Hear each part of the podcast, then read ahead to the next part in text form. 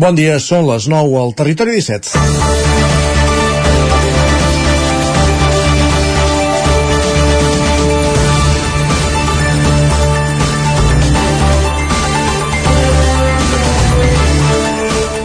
I com ens agrada polemitzar en aquest país.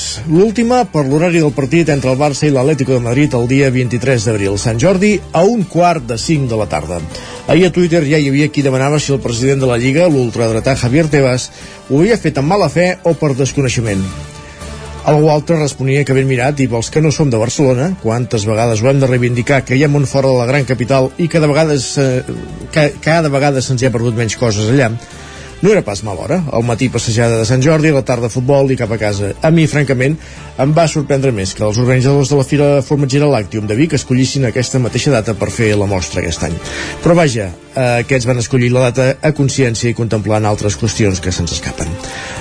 Un altre programa de ràdio demanava aquest matí l'opinió de llibreters i floristes sobre l'horari del partit del Barça, com si tothom estigués pendent del futbol i no hi hagués altres hores per comprar roses i llibres. I un últim punt, aquest esportiu i sentimental alhora, com si la Lliga no estigués ja resolta i anar a veure l'Atlético de Simeone tingués algun al·licient. És dimecres, 5 d'abril de 2023, en el moment de començar el Territori 17 a la sintonia d'Ona Codinenca, Ràdio Cardedeu, la veu de Sant Joan, Ràdio Vic, el 9 FM i també Twitch, YouTube, el 9 TV i la xarxa més. Territori 17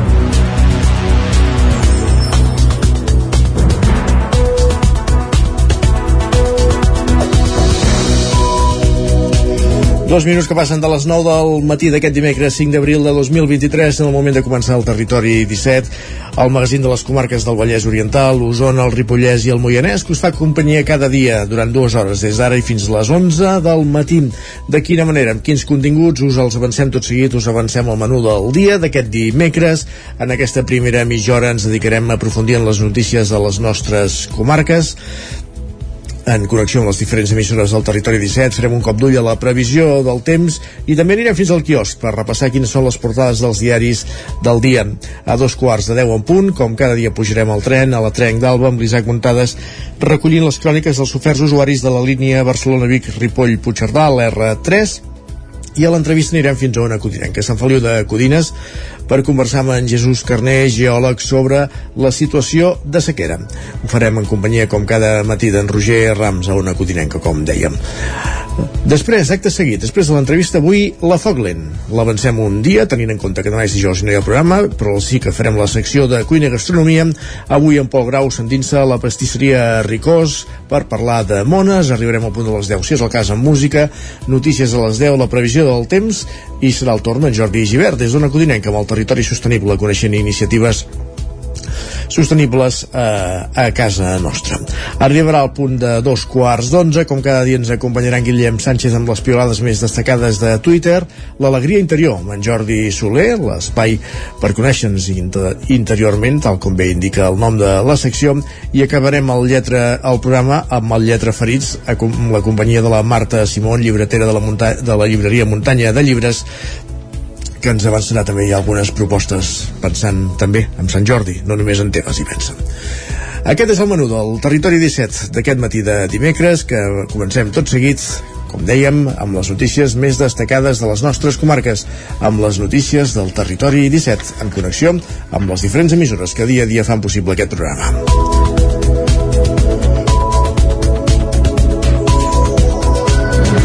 L'Ajuntament de Sant Feliu de Codines demana responsabilitat als veïns davant la situació de sequera. L'actualització del ban prohibeix omplir piscines. Roger Ram, zona codinenca.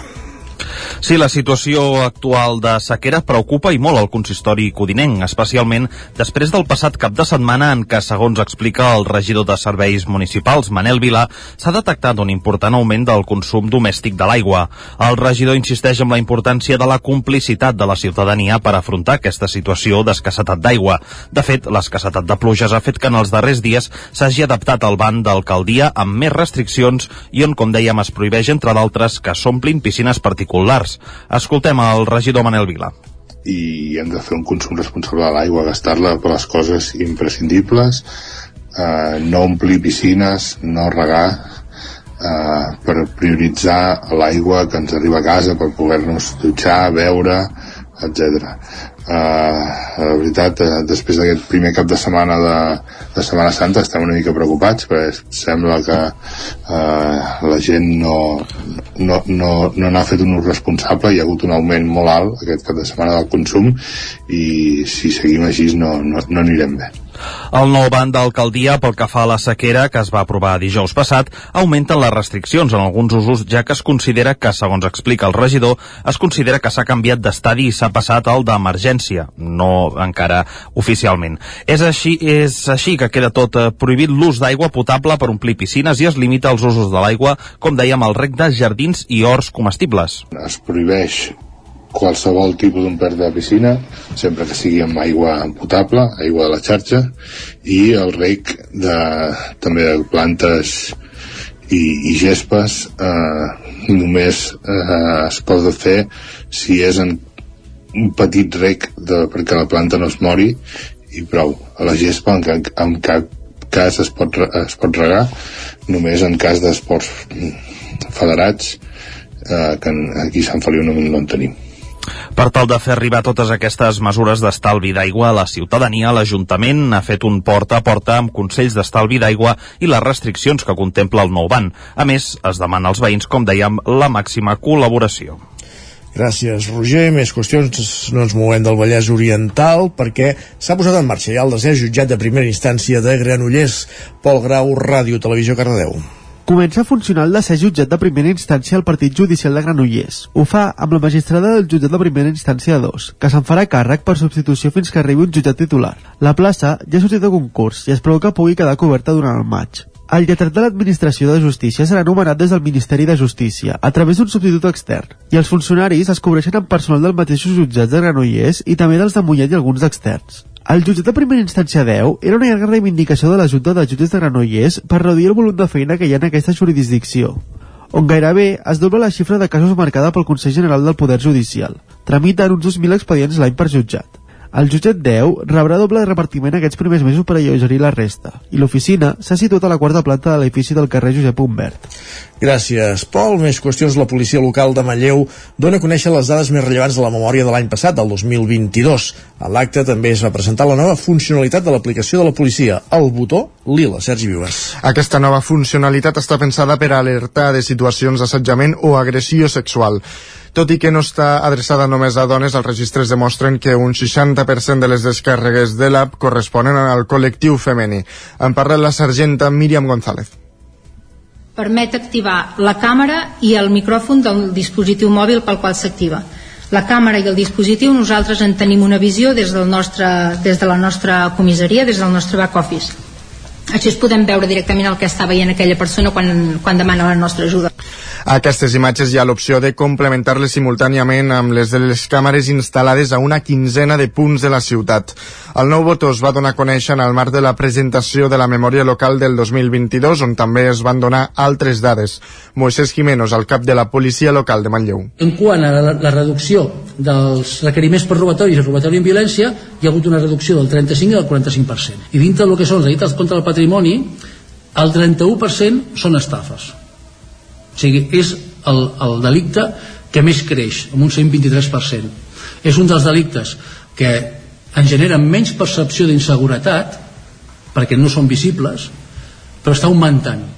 En el balanç del 2022 també es va subratllar la creació de la nova unitat especialitzada de seguretat ciutadana la patrulla canina o, al, o, en el, o entre d'altres l'increment de la vigilància a l'hora que tanquen les botigues. Pel que fa a la nova comissaria, continua obert el concurs per trobar l'empresa que executarà les obres. Més qüestions, els Mossos d'Esquadra detenen un home agur per conduir sota els efectes de l'alcohol, Sergi. Uns fets que van passar dissabte durant un control de trànsit dels Mossos a la carretera B-4601 que va a Sant Bartomeu del Grau. Els agents van aturar un conductor que va donar positiu d'alcoholèmia amb 0,84 mil·lígrams per litre. Recordem que el màxim són 0,25. El xifra que va donar, doncs, és considerat delicte penal. Per tot plegat, els agents van immobilitzar-li el vehicle per, amb un parany i van denunciar-lo per un delicte contra la seguretat viària. Al cap d'uns 30 minuts, però, els Mossos van rebre un avís a través del 112 en el qual s'alertava que hi havia un home al mateix punt que estava desmuntant un parany. Quan els agents van tornar al lloc dels fets, van trobar-se el vell conegut conduint el vehicle. Es trobava a uns 30 quilòmetres de distància d'on l'havien interceptat el primer cop. Van tornar-lo a fer bufar i va donar 0,82 mil·lígrams litre van denunciar-lo per segona vegada per un delicte contra la seguretat de trànsit, per trencar el parany i també per conduir amb l'ITB caducada. Aquesta segona vegada va acabar detingut. Més qüestions, el nom de l'alcaldessa de Vic Anna, i diputada de Junts per Catalunya, Anna R, és un dels que sonen com a possible nova presidenta del Parlament, després de la sentència condemnatòria a Laura Borràs. R s'hi ha referit. La visita de Pere Aragonès a Vic aquest dissabte en el marc del Mercat del Ram es produïa la mateixa setmana de la sentència condemnatòria a Laura Borràs. El nom de l'alcaldessa de Vic i diputada de Junts, Anna R, és un dels que sonen com a possible nova presidenta del Parlament.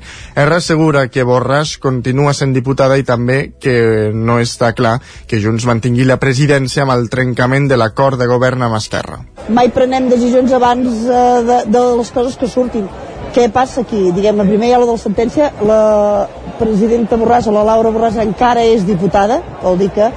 I l'altra cosa és que tampoc sabem si, al haver trencat l'acord de govern, d'entrada tampoc sabem si aquesta cadira continuarà sent de Junts. En canvi, Aragonès instava Junts a proposar candidats per encapçalar la cambra catalana. Hi ha molta gent que pot estar doncs, al, al capdavant. Jo amb l'alcaldessa de Vic tinc una excel·lent relació, eh, però en tot cas seran els grups parlamentaris, en aquest cas Junts per Catalunya, que també crec que han de ser ells que en primer lloc, perquè fins ara han tingut la presidència, eh, puguin posar noms sobre la taula, però necessitem que la institució deixi, superi aquesta situació d'interinitat, que hi hagi una nova presidència i vaja, jo seria favorable a que fos una presidència d'un diputat o una diputada de la majoria independentista. Aquestes són unes declaracions que han fet els micròfons del nou TV, com dèiem, durant la visita del president de la Generalitat al Mercat del Ram. I encara sobre Pere Aragonès, sobre la visita de Pere Aragonès dissabte a Vic, també va assistir a la inauguració del projecte SAC-SAC, el nou servei de l'ATFO, l'Associació de Diversitat Funcional d'Osona, que fomenta l'economia circular i el reciclatge, Sergi. SAC-SAC es tracta d'una iniciativa d'embalatge sostenible adreçat a les empreses que es dediquen al transport de mercaderies. Aquests coixins amortidors són respectuosos amb el medi ambient, ja que en lloc d'estar fets amb, de plàstic són de paper i cartró reciclat. Dolors Moyes, la presidenta d'AFO. Una nova solució d'embalatge sostenible que afavoreix l'amortiguació dels productes en el transport de mercaderies sense la necessitat d'utilitzar plàstic o altres materials nocius per al planeta. En la utilització d'un sac-sac eliminen 50 centímetres de plàstic de bombolles i en 2.000 sac-sac eliminen un quilo de plàstic de bombolles per Aragonès, juntament amb Anna R, van visitar el local d'Atfo després del recorregut institucional del Mercat del Ram.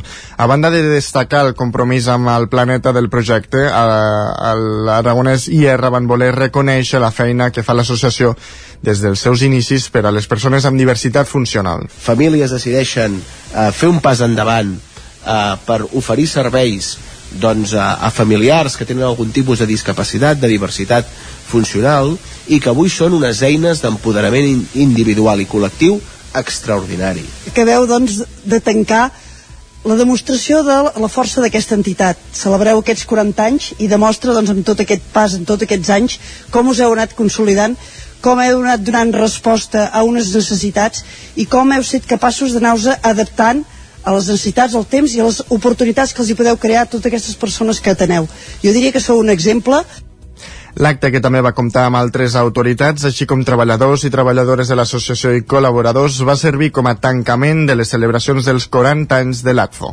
Gràcies, Sergi. Més qüestions anem cap al Ripollès, multitudinària inauguració de l'edifici de Can Roig de Camprodon. Isaac Muntades, des de la veu de Sant Joan. Aquest passat dissabte al matí, més de mig miler de persones amb algunes vestides d'època van assistir a la inauguració de la torre modernista de Can Roig de Camprodon, que ha estat restituïda després de quedar en ruïnes des de mitjans dels anys 30 del segle passat. Can Roig és un habitatge unifamiliar en desús ubicat al carrer Fregenet, que va ser projectat per l'arquitecte d'Olot Simó Cordomí, que va construir-lo a principis del segle XX, entre els anys 1900 i 1901 Es tracta d'una torre aïllada de planta irregular que també té torres adossades i consta fins a 5 nivells, un semisoterrani on s'ubicarà l'ampliació del cap de la vila, una planta noble que s'hi accedeix a través d'una escalinata exterior, una primera planta principal, la segona planta i unes golfes. Can Roig es va concebre com una residència d'estiueig per a Merencià Roig, que va anar-hi aconsellat pel seu cunyat, l'alcalde de Barcelona i impulsor de les estades curatives a la muntanya, Bartomeu Robert. La seva família va estiuejar-hi fins al 1936, però llavors va esclatar la Guerra Civil i es va convertir en un hospital militar. Les tropes franquistes el van abandonar després d'ocupar-lo un temps i després es va quedar en ruïnes. Fa poc més d'un any, Jaume Pujol Busquets es va convertir en el nou propietari de l'edifici per restituir-lo i el despatx d'arquitectura Camp Domus de Barcelona es va encarregar de refer-lo. El projecte el van iniciar fa un any i mig i les obres ha durat 10 mesos. L'arquitecte del projecte, Ferran Vila, explicava algunes de les dificultats que s'han trobat, com per exemple que la galeria i les escalinates eren inexistents, però també d'altres. Que fan estocats a la calç, fan esgrafiats, veus tot això de la part aquesta que era molt complexa, ho han fet amb una gran fidelitat. Després el tema de gran complicitat ha estat també la pedra artificial, tot això la pedra artificial estava absolutament destrossada. S'han hagut de reproduir altra vegada els motllos, s'han hagut de fer motllos específics amb silicona, treball molt elaborat. El tema que tenia una gran complicitat també era el tema de la coberta. La coberta estava tota feta amb teula vidriada, doncs clar, en tants anys estava molt deteriorat. Un 80%, per no dir un 90% de les peces estaven alterades. S'ha hagut de, de tornar a fer per mitjans artesanals, reproduir totes les teules vidriades de tres colors, granat de i negre, i la cresteria, que ja, ara aquí no la veiem, però hi ha tota una cresteria metàl·lica ha vingut de França. Moltes coses les hem hagut de portar de fora d'aquí perquè no és habitual. Aquí no hi ha una tradició tampoc de restituir segons quin tipus d'aquesta arquitectura. Els espais interiors són diàfans i exceptuant una mica de mobiliari d'època i una exposició amb fotos i planos de Can Roig, la resta de plantes estan buides perquè no se sap què hi havia. El ple de l'Ajuntament de Sant Quirze de Besora i el Consell Comarcal d'Osona han declarat bé cultural l'interès local al teatre al centre de Sant Quirze, Sergi. Els informes tècnics fets ara fa poc més d'un any arran d'unes queixes veïnals van posar en perill l'activitat al teatre al centre de Sant Quirze. Els va, es va detectar que no s'hauria legalitzat l'activitat quan es va reformar després de l'incendi de 1986 i que calien algunes reformes. Això va comportar mobilitzacions veïnals i una recollida de signatures per evitar el tancament de l'equipament. També reclamava que es declarés bé cultural d'interès local, un fet que l'Ajuntament i el Consell Comarcal van aprovar la setmana passada. David Solan és l'alcalde i Núria Arau, la consellera de Cultura del Consell. Que s'ha aprovat el, la declaració de bé cultural d'interès local perquè a partir d'ara l'entitat ja pugui també demanar les subvencions i també fer el reconeixement que la pròpia Junta ens havia demanat, o la pròpia associació ens havia demanat a l'Ajuntament amb aquella recollida de signatures. L'any 1905 es va construir l'edifici del teatre que va rebre el nom de, teatre, de centre catòlic. Uh, el 1989 es va reconstruir després d'haver patit un incendi anys anteriors i la població de Sant Quirze de Besora ha vist el centre com un lloc de referència i com un emblema del poble, sobretot pel que fa amb la representació dels pastorets i la nit de Reis.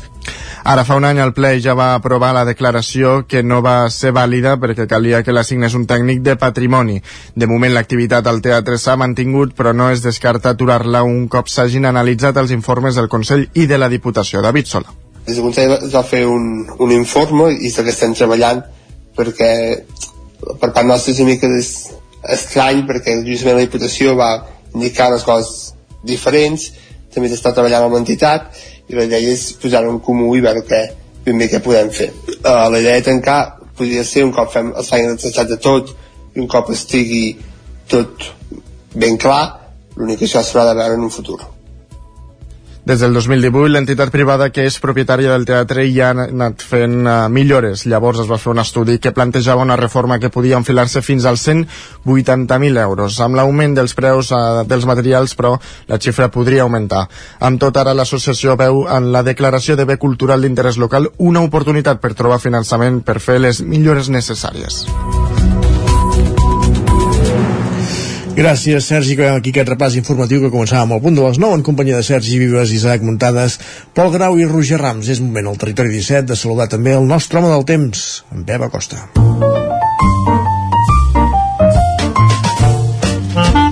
Casa Terradellos us ofereix el temps.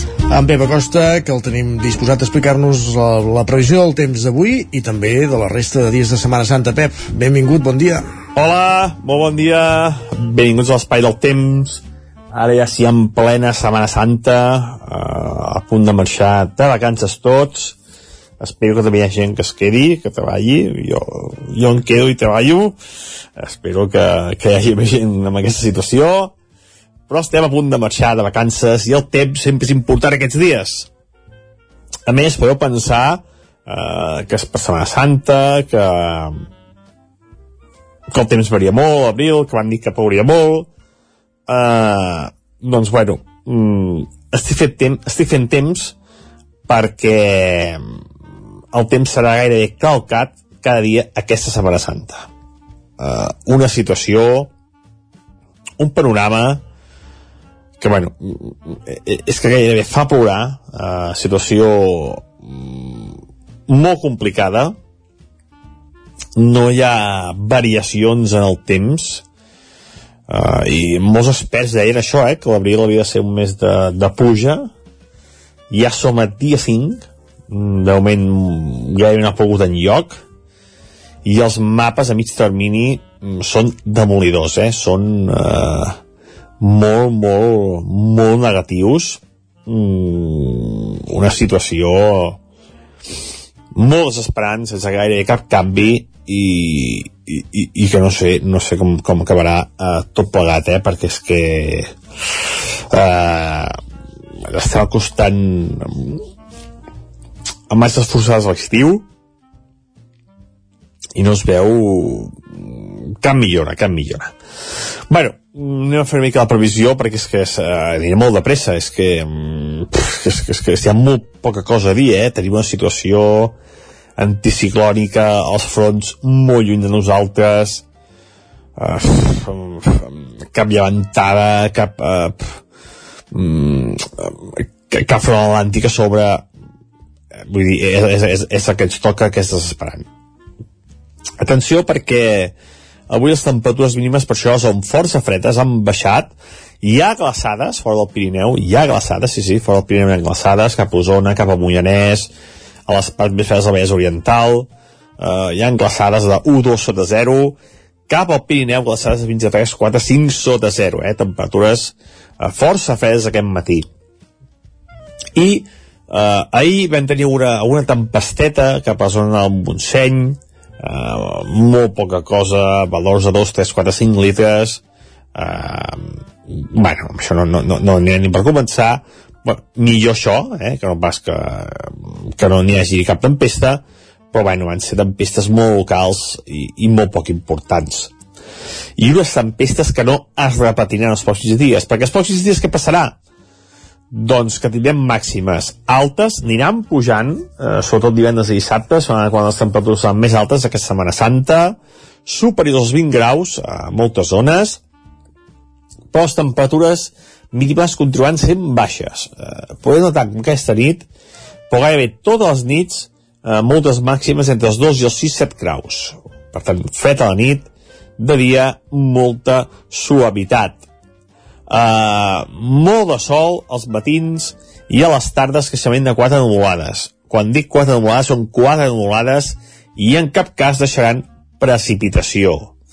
Els vents tots els dies bastant febles, eh, no hi haurà cap, eh, cap vendaval ni de bon tros i per tant serà un temps molt tranquil, molt pla i això és tan vàlid com avui, demà, eh, divendres, i diumenge moltes gràcies i fins la setmana vinent. Adeu. Parlem dimarts, gràcies Pep, que vagin bé aquests dies. No, parlem dimarts no, de fet parlem d'aquí una estoneta. Va, fins ara mateix. Casa Tarradellas us ha ofert aquest espai. I ara és moment d'anar al quiosc perquè el que volem és veure que ens expliqui Sergi quines són les portades dels diaris del dia per quin comencem.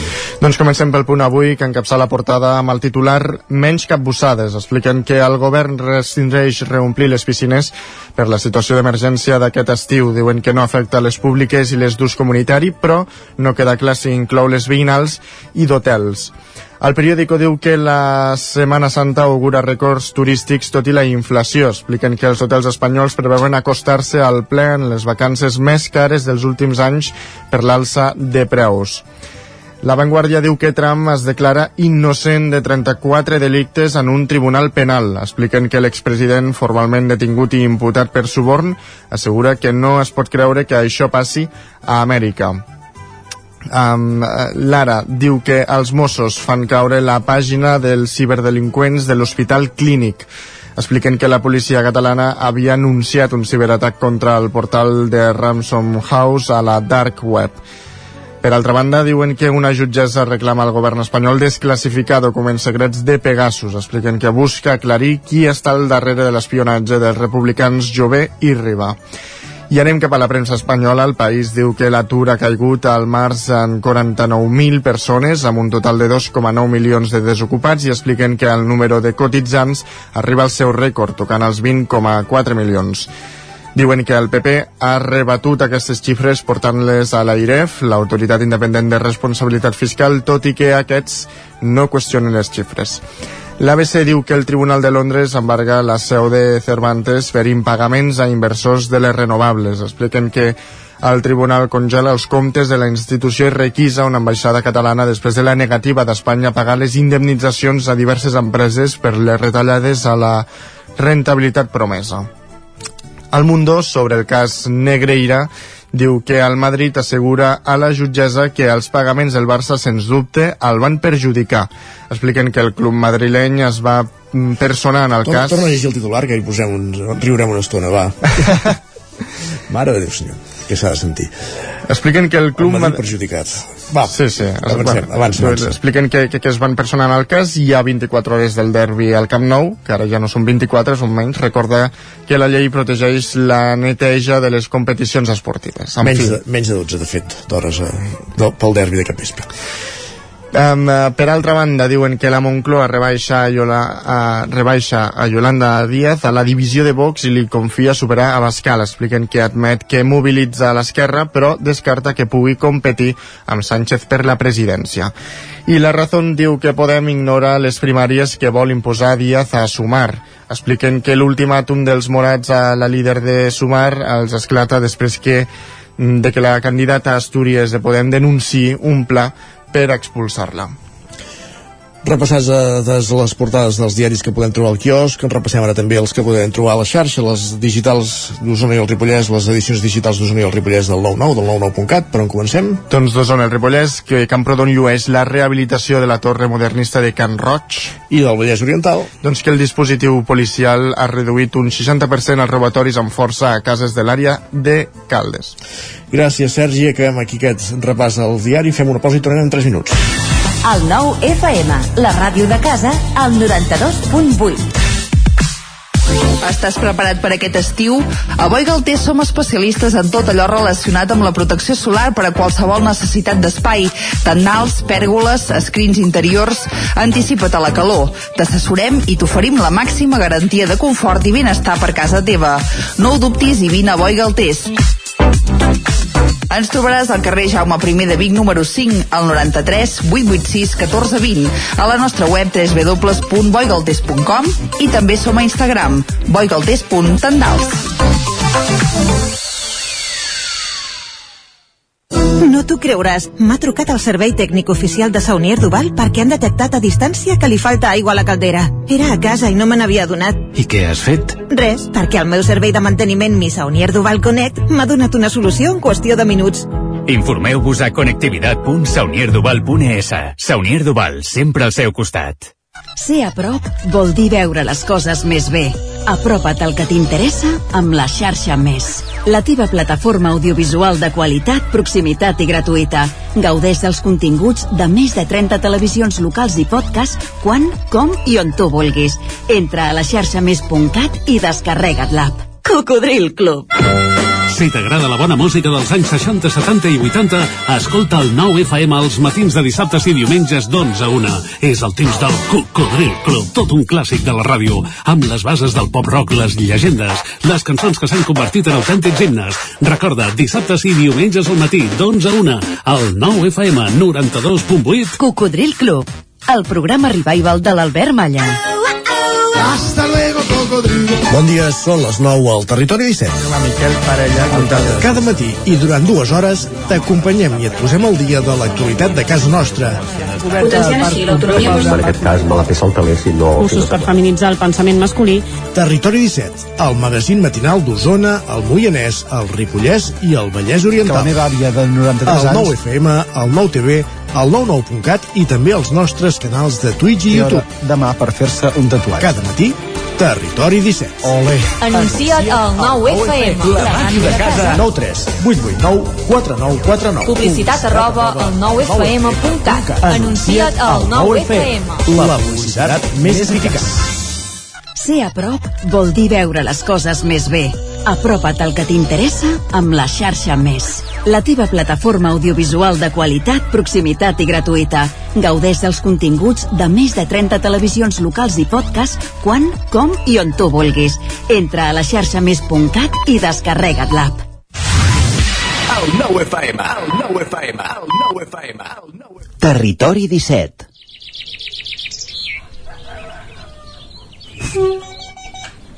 A Tren d'Alba. Cada dia els usuaris i usuàries de la línia R3 de Rodalies que veuen sortir el sol des d'un vagó ens expliquen les gràcies i les penes del primer comboi que uneix Ripoll i Barcelona o les feixugues jornades amb el tren després de treballar. Benvinguts a Tren d'Alba. El dilluns, la ministra de Mobilitat, Transports i Agenda Urbana, Raquel Sánchez, el conseller de Territori i Sostenibilitat, Juli Fernández, i el president de Renfe, Raúl Blanco, entre altres autoritats, van presidir l'inici de les obres de millora de l'estació de l'Arc de Triomf per fer-la més accessible i amb més capacitat. Bàsicament, l'obra costarà 2,8 milions d'euros amb l'IVA inclòs i tindrà un període d'execució de 10 mesos. Es prolongarà l'andana uns 200 metres, es farà un recrescut d'aquesta per millorar l'accés als trens, es reubicarà un nou ascensor i una escala mecànica i es renovaran i milloraran els encaminaments PMR. També serà més segura perquè s'adequarà i es millorarà l'enllumenat al vestíbul i les andanes, a més de millorar el sistema d'informació. Us deixo ja amb la crònica d'avui d'en Jordi Valls. Bon dia, sóc el Jordi de Centelles. Avui el tren ha arribat 8 minuts tard. Bé, molt, molt buit. És doble d'aquells seients blaus. Avui semblava que anàvem amb l'AVE de la R3, perquè a més el maquinista li fotia canya, eh? almenys ha estat divertit, es bellugava molt, quèiem, però bé, bé, ha estat molt bé el viatge. La veritat és que es va notar molt que la gent mm, ja no baixa a treballar, però oh, a la tornada, a la tornada es nota molt que la gent ha anat a fer la passejada per Barcelona i a dos de cinc el tren va patar. I comences a sentir aquells és que estic molt cansat o cansada de compres, ho sento molt, eh? Qui hagi anat de compres i vagi carregat de bosses, haver-ho pensat abans d'agafar el tren. No ho sé. A més, els trens són curts, perquè clar, com no és mercat del ram ni una data excepcional, si és dia feiner, curs, el que vaig explicar l'altre dia. Ai, santa paciència. Pels que no agafeu mai el tren, de tant en tant tingueu aquesta experiència per saber i gaudir de treballar molt a prop de la feina. Això no ho podem escollir. Normalment toca on toca. Res més. Desitjar-vos que vagi tot molt bé, que gaudiu molt d'aquests dies de descans els que els tingueu, perquè pensem que hi ha gent que treballa, i apa, endavant, a tot tren. Adéu-siau. Normal que estigui tan buit el tren en aquests dies de Setmana Santa per anar a Barcelona. En canvi, sí que al revés es nota més perquè la gent ha aprofitat altres moments del dia per anar a comprar. Però et dono tota la raó amb això dels trens curts. És molt habitual. Va, en retrobem dimarts amb més històries del tren i de l'R3. Territori 17, el 9 FM, la veu de Sant Joan, Ona Codinenca, Ràdio Cardedeu, Territori 17. Dos minuts i mig que passen de dos quarts de deu del matí.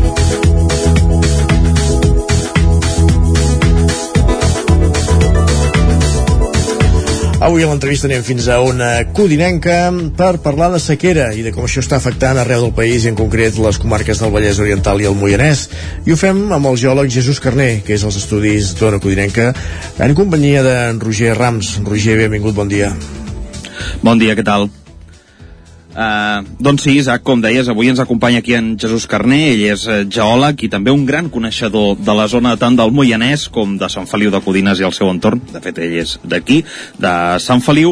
També havia treballat a l'Agència Catalana de l'Aigua, per tant, Jesús, bon dia, benvingut. Bon dia, moltes gràcies per convidar-me. Gràcies a tu per, per ser aquí. Uh, primer de tot, anem una mica a, a l'arrel del problema. Eh? Quan aquests darrers mesos ens estem omplint la boca de sequera forta, sequera extrema, sequera... mm, A què ens estem referint? És a dir, què fa que patim aquesta sequera? Quin és, què, què fa que no plogui? Bé, el tema de que no plogui igual és una, una pregunta que hauries de fer un meteoròleg, no? Jo com a geòleg eh, no t'ho puc respondre al 100%, no? Evidentment hi ha un, una afectació climàtica, és evident, eh, el, cam, el clima està canviant de tal manera cap a climes més extrems, més, més, més amb, amb una, un període sec molt més llarg, eh, segurament mirant ja les coses amb una mica d'optimisme. També hi haurà alguna època de pluja mm, bastant més més forta, no? Més, més contundent, però ara portem 20, 29, gairebé 30 mesos en què, en què la pluja eh, bueno, doncs, pràcticament el, el mínim del mínim, o inclús ara aquest últim mes pràcticament res, el mes de març pràcticament no ha plogut res, i és un mes que típicament eh, plou. Aleshores, portem acumulats aquests, un període de sequera mm, durant, durant pràcticament 30 mesos i això fa que, evidentment, eh, si no plou, eh, les reserves es ressenteixen molt. Clar, perquè sobre el terreny, és a dir, mm, quan podem dir que estem patint una sequera? Perquè en els embassaments, per exemple, és molt visible. En el cas de Sau, doncs, quan el nivell baixa i es veu doncs, tot el que hi ha sota, per entendre-ho així, de, estem dient, hi ha sequera. Però, clar, sobre el terreny, la, clar, tu passejant com et pots adonar que... Sobre el terreny hauries de, de començar a parlar de que, de que tens sequera o tindràs problemes de sequera quan tu durant uns quants mesos veus que eh, eh, és com un tema econòmic, gastes més del que ingresses. Aleshores, a la teva butxaca, quan gastes més del que ingresses, diu, salta de seguida la veu d'alarma, no? Dius, ep, eh, no, no anem bé, no? Amb l'aigua passa el mateix, tu saps més o menys el que gastes, o tens més o menys controlat, i més o menys saps el que, el que reps. En el moment en què tens uns quants mesos acumulats en què tu estàs gastant més del que reps, doncs aleshores eh, hauríem, problema. haur, eh, tenim un problema i hauríem de començar a prendre mesures no, no deixar passar 30 mesos sinó intentar fer-ho eh, abans, molt abans perquè a part del, del que ja és visible que, de, que dèiem ara, quines modificacions provoca l'ecosistema la, la sequera? Bé, eh, evidentment, eh, la falta d'aigua provoca doncs, que la primera que se'n ressenteix és la vegetació. Vosaltres no sé si, si feu el recorregut des de Sant Feliu fins a Mollà, per exemple, hi ha tota la zona de, de la Fàbrega o, de la, o del Mas Badó, hi ha aproximadament el 50% del, dels rajolets, que és el pi vermell, són morts morts de sequera. Evi- Evidentment, si no plou, eh, eh, la, la vegetació és la primera que, que reps. Tu, si tens una planta de casa teva i no la regues, evidentment, ràpidament morirà. Doncs aquesta és, és la- la- la- l'alarma principal que hauríem de tenir és quan comences, te'n dones compte que la vegetació comença a tenir estrès hídric, doncs aleshores, aleshores evidentment, vol dir que, que, els hi fa, que tenen manca d'aigua, que els hi falta molta aigua. Mhm. Ara hem anat a, diguéssim, a, a l'arrel del problema, a l'inici. Anem una mica més enllà, perquè estem veient aquests dies que el govern doncs, fa cimeres per la sequera, eh, totes les campanyes possibles per mitigar la sequera. Però jo volia preguntar, a banda d'estalviar aigua a nosaltres, com a títol individual, què més podem fer per lluitar contra la sequera? Uh, a nivell personal o a nivell de societat, m'estàs dient? Home, a nivell societat. A nivell societat, eh, bé, aviam, les persones, jo diria que és, som el tant per cent menys petit de, de consum d'aigua. Vull dir, aquí hi ha, hi ha grans consumidors d'aigua des, de, des de les indústries, des de, des de l'agricultura, des de, des dels esports inclús també, perquè ve- veiem que mm, camps de golf, piscines i... Però això, eh, evidentment, si tu poses una balança el que gasta la, la societat i el que gasten les indústries i tot això, te'n donaràs compte que igual la societat és 1 i les indústries són 10. Mhm. No? Aleshores, hi ha, hi ha zones a Catalunya o a Espanya en què, en què per exemple, eh, cultiven plat de moro els monegros. Eh, aviam, el plat de moro és un dels, és un dels, dels cultius que consumeix més aigua. Eh, en ple segle XXI hi ha zones agrícoles que encara continuen regant per, per inundació, un, el reg menys eficient que hi ha. Doncs eh, hauríem de in- invertir o estudiar maneres de, de, de fer un, un reg més eficient. Hi ha indústries que en el seu procés productiu fan servir aigua potable. Mm. Clar, això és un drama. Mm, ja, jo en conec alguna que es gasta gairebé un milió d'euros en aigua potable per, per, per fer el seu procés productiu. Un tant per cent molt elevat de municipis netegen carrers o reguen els seus jardins públics amb aigua potable. Aleshores, hem de començar a prendre mesures per no fer servir l'aigua potable, perquè... I això tu ens deies que és perquè és la més barata? Segurament, segurament. Eh, l'aigua potable és, és l'aigua, eh, si tots revisem les nostres factures, us en, ens en donarem compte que no, no parlarem ara del tema impostos, però el consum d'aigua té un, un, un, un cost baixíssim. Uh, jo crec que l'aigua és, és, és se'n llença molta perquè un de, dels problemes que té és que és molt barata. És, és molt fàcil d'aconseguir, és molt, molt, molt, molt simple anar a casa, obrir l'aixeta i mentre vagi rejant, bueno, doncs si haig de pagar 5 euros més els pago. No ve d'aquí. No ve d'aquí, però és un tema preocupant, és un tema preocupant. I, i bé, ara s'estan posant de moda les desaladores, l'aigua d'una de, desaladora doncs és bastant dolenta, de, des del punt de vista de qualitat. Per, per consum, eh? Sí, però és que no hi ha alternativa, és que els embassaments estan com estan i és, és bastant preocupant. Uh mhm. -huh. Quant temps hauria de ploure i en quina quantitat, diguéssim, per, per encaminar una mica la situació que estem patint ara? A veure, aquesta pregunta és molt complexa perquè, perquè hi ha molts factors a l'hora de recargar un aqüífer, no? Uh, evidentment ha de ploure molt, no estem parlant, jo estic segur que en un mes, no, en un mes de pluges no solucionem la sequera i, i clar, hem de tenir en compte que si portem acumulats 20 i 30, per dir un número rodó, 30 mesos de sequera, um, no sé, una comarca com ara el Moianès, on aproximadament cauen uns 750 mil·lilitres mil·límetres l'any, Uh, doncs clar, si portem acumulats no sé quants anys, 20, 30 mesos de sequera, doncs imagineu la quantitat, la quantitat de dèficit d'aigua que tenim acumulat, no? Haurien de, de ploure, no? haurien de ploure no tant, però igual dos, dos anys seguits haurien de caure, per exemple, mil litres, que això, estadísticament, perquè com es recarrega un aqüífer? És a dir, tots tenim la imatge plou i s'omple el pantà, això no és exactament així. No és exactament així. En, en, en condicions naturals, a veure, tenim plou, però tenim una capa vegetal. Aquesta capa vegetal, amb l'estrès hídric que té ara, eh, o plou molt o és que l'aigua ni arriba als aqüífers, perquè, la, evidentment, la capa vegetal absorbirà la part que li toca. Un cop aquesta capa vegetal ja té tota l'aigua que, que li toca, l'aigua que sobra és la que es comença a infiltrar dins l'aqüífer. Per tant, dins del cacau és una part... En condicions naturals. També hi ha aqüífers que recarreguen perquè els rius porten molta aigua o, o en cas dels embassaments, quan s'omple un embassament pots recarregar un aqüífer, sobretot si, si entren en contacte. Però en condicions naturals eh, hauria de ploure suficientment com per alimentar, donar aigua a tota la capa vegetal, que sobrés aigua i l'aigua que sobra començaria a omplir els aqüífers. Jo ara, Jesús, eh, voldria fer-te una pregunta un, que potser no, no molta gent es fa, però sí que és cert que cada cop més gent apunta a aquestes teories. Eh? Sempre ho sabem, eh, que quan hi ha alguna espècie de catàstrofe sempre hi ha teories per tot i per tots els gustos, però s'estan destapant teories sobre que s'utilitza geoenginyeria perquè no plogui. Això realment té alguna base de fonament o no sé quina utilitat tindria que no plogui, si estem veient que, és el, que el gran problema és que no plou, i en tot cas jo la faria servir perquè plogués, la geoenginyeria, la faria al revés. Si fos possible estaria bé, no?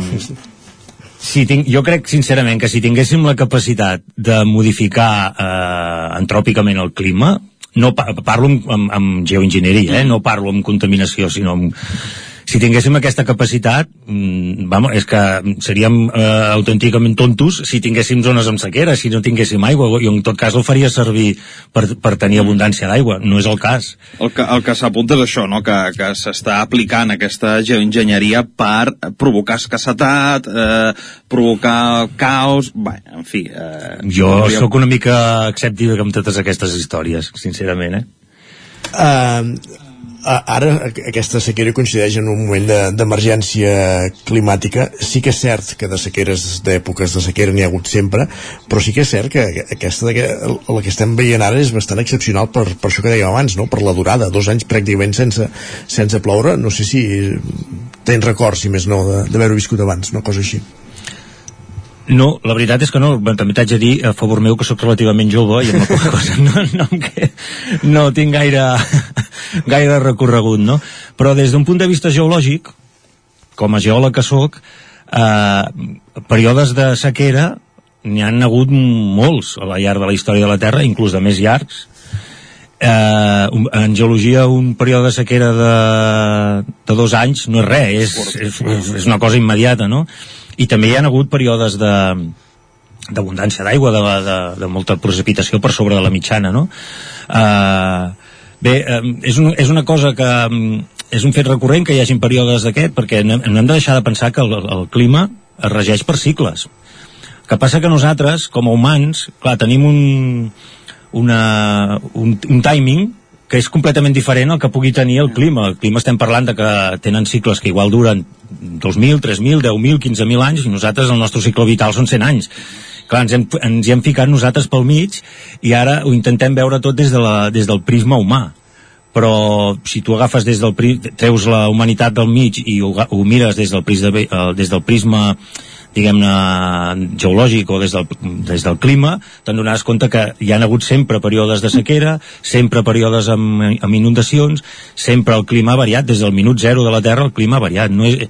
Que passa que sí que és veritat que nosaltres ara tenim la capacitat aquesta de, de modificar de- d'alterar aquest, aquest cicle climàtic, no? Perquè, doncs, perquè ens hi hem ficat pel mig i perquè interactuem i perquè contaminem i perquè, i perquè eh, explotem uns recursos que abans en condicions naturals doncs això estava tot equilibrat. Ara, evidentment, nosaltres al ficar-nos pel mig hem modificat aquests cicles climàtics. Mhm. També, no sé si per acabar ja, Jesús, eh, també és habitual, entre cometes, no normal, però sí habitual, a la zona mediterrània patir aquestes sequeres. És a dir, no, no tot el món està igual. De fet, hi ha llocs que estan patint aiguats eh, brutals. Exacte. És, eh, lliga una mica amb el que us explicava abans, no?, del, dels cicles, vull dir, eh, la Terra és un equilibri on hi ha sequera en un cantó, hi ha abundància a l'altre, o, o, o sobreabundància, o és, és tot una cosa equilibrada. El problema és quan nosaltres modifiquem aquests, eh, aquest, eh, eh, aquest equilibri i aleshores venen, venen els problemes. Um, perdó, que, que, eh, A la zona mediterrània, Sí, el- que estem certament avasats, no, això? el clima mediterrani és molt típic que hi hagin aquestes, aquestes, aquestes oscil·lacions. És, és bastant freqüent bé, que, que tots recordem zo- moments d'inundacions han sigut dramàtiques perquè eh, si ara fem un recorregut pels rius mediterranis veurem que estan tots secs i tots ocupats que aquest és un gran tema, aquest és un gran debat estan tot, tot les, tots els rius mediterranis estan ocupats ara i el dia que plogui tornin a baixar em veuràs tu perquè ara estan bruts eh, ocupats per, per, per la gent, se'n fan activitats, i aleshores, clar, eh, són, són, no són rius permanents, sinó que són rius que poden, estacionals, correcte, que poden portar uns volums d'aigua molt elevats i que poden ser molt perillosos. I, I el clima mediterrani, com tu molt bé deies abans, sí que és veritat que té aquestes oscil·lacions en què, en com, com que els rius no són permanents, a la que hi ha una petita oscil·lació climàtica, doncs fa que, que siguin secs constantment o que portin uns volums d'aigua molt perillosos. Per exemple, el temporal Glòria. Per exemple, el temporal, ho tenim fa 3 anys, va ser el 2020, i vam veure les... Però el Glòria, i després n'hi va haver-hi les inundacions del 62, i, eh, i a Andorra també va haver-hi un desastre el 82, i, i, i és, és molt freqüent que, que hi hagin inundacions greus en, en, en el clima mediterrani. Jesús Carné, geòleg, moltíssimes gràcies per posar-nos llum a la sequera avui aquí al territori 17. Moltes gràcies a vosaltres. Gràcies, Roger, un matí més també. Fins ara, Isaac, Fins ara. parlem. Avancem al territori 17 i ara ens fixem, com solem fer els dimecres, en alguns dels objectius de desenvolupament sostenible.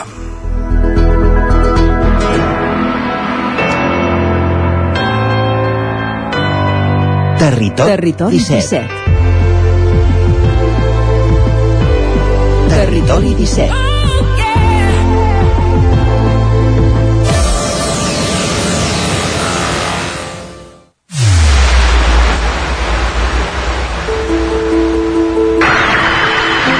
Porque yo podría y me atrevería a decir que el individuo no es más que un eslabón, un pequeño eslabón en una larguísima cadena, cuyo origen se pierde en la noche de los tiempos y cuyo fin está todavía por forjar.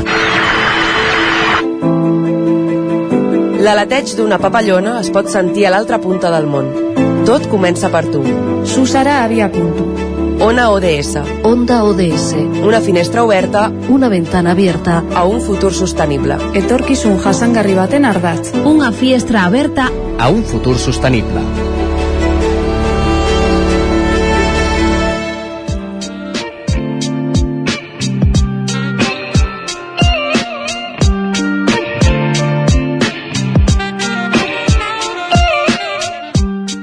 La solidaritat, el compromís i la professionalitat són valors que comparteixen l'entitat que formen part del Viver del Belloc, una entitat amb seu a Cardedeu que pretén promoure el creixement personal i la inclusió social i laboral de persones en risc d'exclusió. La solidaritat i el compromís, així com la inclusió social i la igualtat entre persones, són objectius que també trobem a l'Agenda 2030.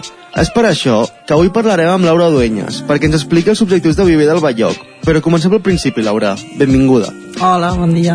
Com estàs? Molt bé, gràcies per convidar-nos. Primer de tot, felicitats per aquests 40 anys. Gràcies. I abans de començar a parlar dels objectius del Viver del Belloc, comencem pel principi. Explica'ns una mica com va néixer el Viver del Belloc i en quin context. Doncs uh, Viver de Belllloc uh, neix l'any 1982 um, arran de, del neguit d'una sèrie de famílies d'alumnes de, de l'escola Viver Castell de Sant Foix que trobaven que l'acabar l'escolaritat doncs, no tenien no, um, cap sortida laboral o, o sociolaboral per als seus fills i filles i s'agrupen i amb el suport doncs, de, en aquell moment de la Generalitat i l'obra social de la Caixa engeguen no, el uh, Viver de Belllloc, uh, inicialment una associació que s'instal·la a les finques Belllloc d'aquí de la Roca però, i, i és l'any 1983 que, que inicia la, la seva activitat laboral amb, amb 18 persones Val, per tant, eh, no? és aquest aniversari de que fem eh, 82, 83, va dir, bueno, doncs fem-ho tot des del 82 fins al 83, per tant, a finals de l'any passat vam començar a fer alguna activitat eh, de celebració d'aquests 40 anys, que, que finalitzaran doncs, a la primavera d'aquest any, val? I bueno, com, com comentaves no? la, la missió de Viver de Belllloc és que qualsevol persona en risc d'exclusió especialment aquelles que tenen discapacitat intel·lectual o un trastorn de la salut mental sever doncs puguin tenir el seu projecte de vida no? al final i un projecte de vida és una cosa molt gran eh, vam començar amb activitats laborals el, el 88 eh, se'ns reconeix com a centre especial de treball i a dia d'avui en aquests 40 anys doncs, hi ha hagut molta, molta trajectòria no? i ara doncs, intentem abarcar doncs, tots els àmbits que poden ajudar a tenir aquest projecte de vida Com ha anat evolucionant al llarg dels anys? Sí, mira, actualment, o sigui, nosaltres hem anat um, no, creant uh, serveis i, i acompanyaments que considerem que són necessaris per poder uh, dur aquest projecte de vida, inicialment amb, amb activitats laborals, amb el Centre Especial de Treball. Uh, poc després um, vam veure doncs, que també hi havia necessitats d'habitatge, es va crear la primera llar residència, el, el 1996, aquí a Cardedeu, que segueix uh, existint, i hem anat doncs um, treballem amb, amb, amb atenció centrada a la persona per tant eh, anem creixent i anem creant recursos a mesura que, que veiem que el territori no, i les persones que tenem o que podem arribar a atendre a curt i mig termini doncs, puguin necessitar. Actualment Vivi de Belllloc compta amb un ventall de, de serveis molt amplis, centrats molt en aquest àmbit, no? el, el inserció laboral, que hi hauria el Centre Especial de Treball, un servei d'inserció laboral en empresa ordinària i, el, i tot el que són els, la formació, que és un àmbit molt important i que fem des de l'any 2002, eh, formació ocupacional, eh, professionalitzadora, no? i amb, amb aquesta finalitat de poder trobar feina Uh, llavors tindríem tota aquesta part uh, no, no, no laboral, no? els serveis d'habitatge, que actualment doncs, dues llars residència a Cardedeu, una oberta doncs, des del 96, com us comentava, i una que, si tot va bé, finalment, i després de 3 anys d'espera, obrirem ara a principis d'any, amb 12 places, i el servei d'acompanyament a la vida independent, que tenim actiu des del 2004, en el que tenem més de 30 persones de la comarca doncs, que viuen al seu domicili i que poden dur una vida autònoma però que necessiten un suport puntual no? d'un educador o una educadora doncs, que, que va a domicili i en base al seu pla de treball doncs,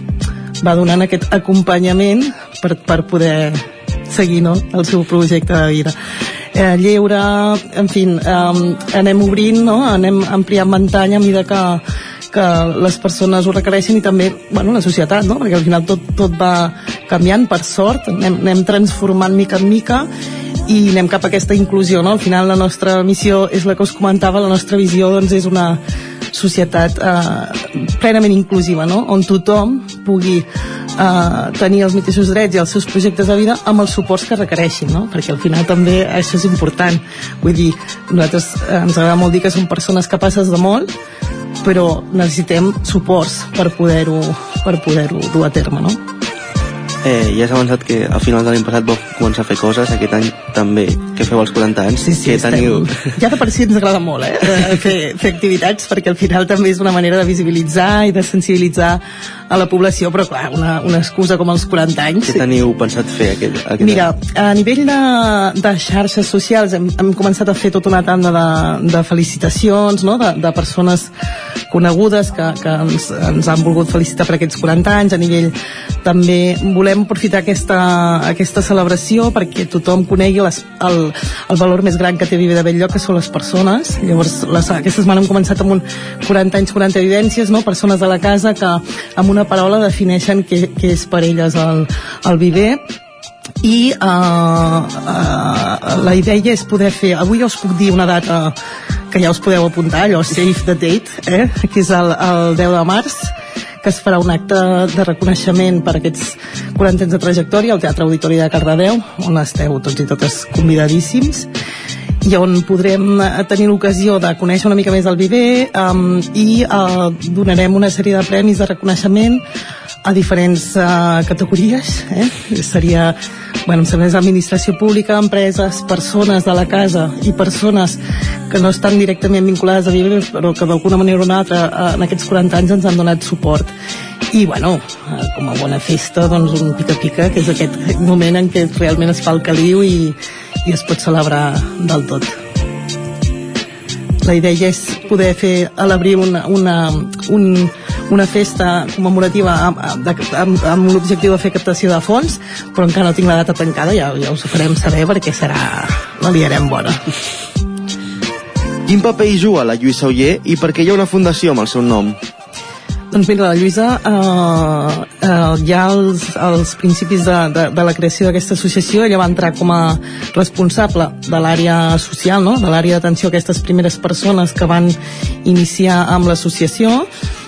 I des de llavors doncs, ha estat amb nosaltres. Vull dir, de fet la Lluïsa eh, és la presidenta d'honor de, de Fundació eh, Lluïsa Oller per què hi ha la Fundació Lluïsa Oller? Bueno, mm, us comentava, no? inicialment vam començar com una associació i al moment que vam anar creixent es va decidir poder crear dos, dos entitats diferenciades, dues fundacions que tenim doncs, dos noms diferents però que al final totes no? tenim la, compartim missió que són Fundació Viver de Belllloc que agruparia tot aquest ventall d'activitats més d'inserció sociolaboral i formació, etc i Fundació Lluïsa Oller que abarcaria totes aquelles activitats eh, d'acompanyament i de suport a les persones que van més enllà de lo laboral que bàsicament a dia d'avui seria aquests serveis d'habitatge, el lleure val? i el, els projectes futurs que tenim sobre la taula que serien el centre ocupacional, centre de teràpia ocupacional Esqueix, que a més a més tant aquest centre com la nova llar residència estan ubicats a, a casa la Lluïsa, o sigui, la Lluïsa ens va fer una sessió en vida no? de, de, del seu patrimoni per poder construir el que era casa seva, una casa en la que durant tota la seva vida ha fet una tasca paral·lela d'acolliment de, de persones en risc d'exclusió i en aquesta mateixa, finca és on s'hi ha fet aquesta nova llar residència del centre ocupacional no? Llavors hi ha altres projectes futurs que estaran vinculats també a Fundació Lluïsa Oller Quin és el futur de l'associació? el futur és poder fer-ne 40, 80 i molts més um, seguim doncs com sempre no? vull dir, mantenint el que hem aconseguit i amb molts de reptes per davant um, nosaltres des de fa anys treballem en, en plans estratègics. Uh, actualment la nostra idea és poder acabar de com- obrir aquest ventall de, de serveis i tirar cap a aquesta banda dels serveis més eh, d'ajustament personal i terapèutics no? per a aquelles persones que pel motiu que siguin en aquell moment doncs, no poden realment eh, dur a terme una activitat laboral ni tan sols amb, amb el centre especial de treball. Llavors per això es, es fa aquest projecte de centre de teràpia ocupacional eh, està en, en, també en procés un servei d'orientació i inserció que seria com un punt mig per eh, temporal en el que la persona va treballar en diferents competències per veure si pot acabar inserint a l'empresa ordinària, que aquest està previst fer-lo a unes instal·lacions que tenim a Llinars del Vallès. Um, un, uh, més serveis d'atenció a persones amb trastorn de la salut mental que, que encara anem molt fluixets a nivell de territori, bueno, en general de, en aquest àmbit, llavors la idea és poder fer un servei prelaboral a la, en aquest cas a la Garriga i seguir sobretot amb això eh? Estarem, sempre som molt pesats i pesades però hem d'anar treballant cap a aquesta inclusió real no? i intentar um, donar les oportunitats i els suports necessaris perquè tots i totes doncs, puguin tirar endavant i, i tenir aquest projecte de vida.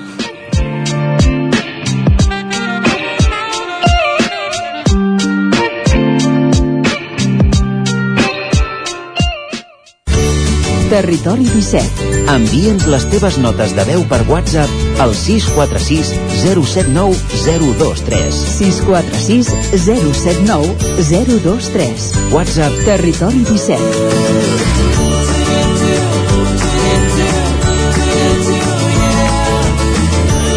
Territori 17. Som a Facebook, Twitter i Instagram amb l'usuari Territori 17.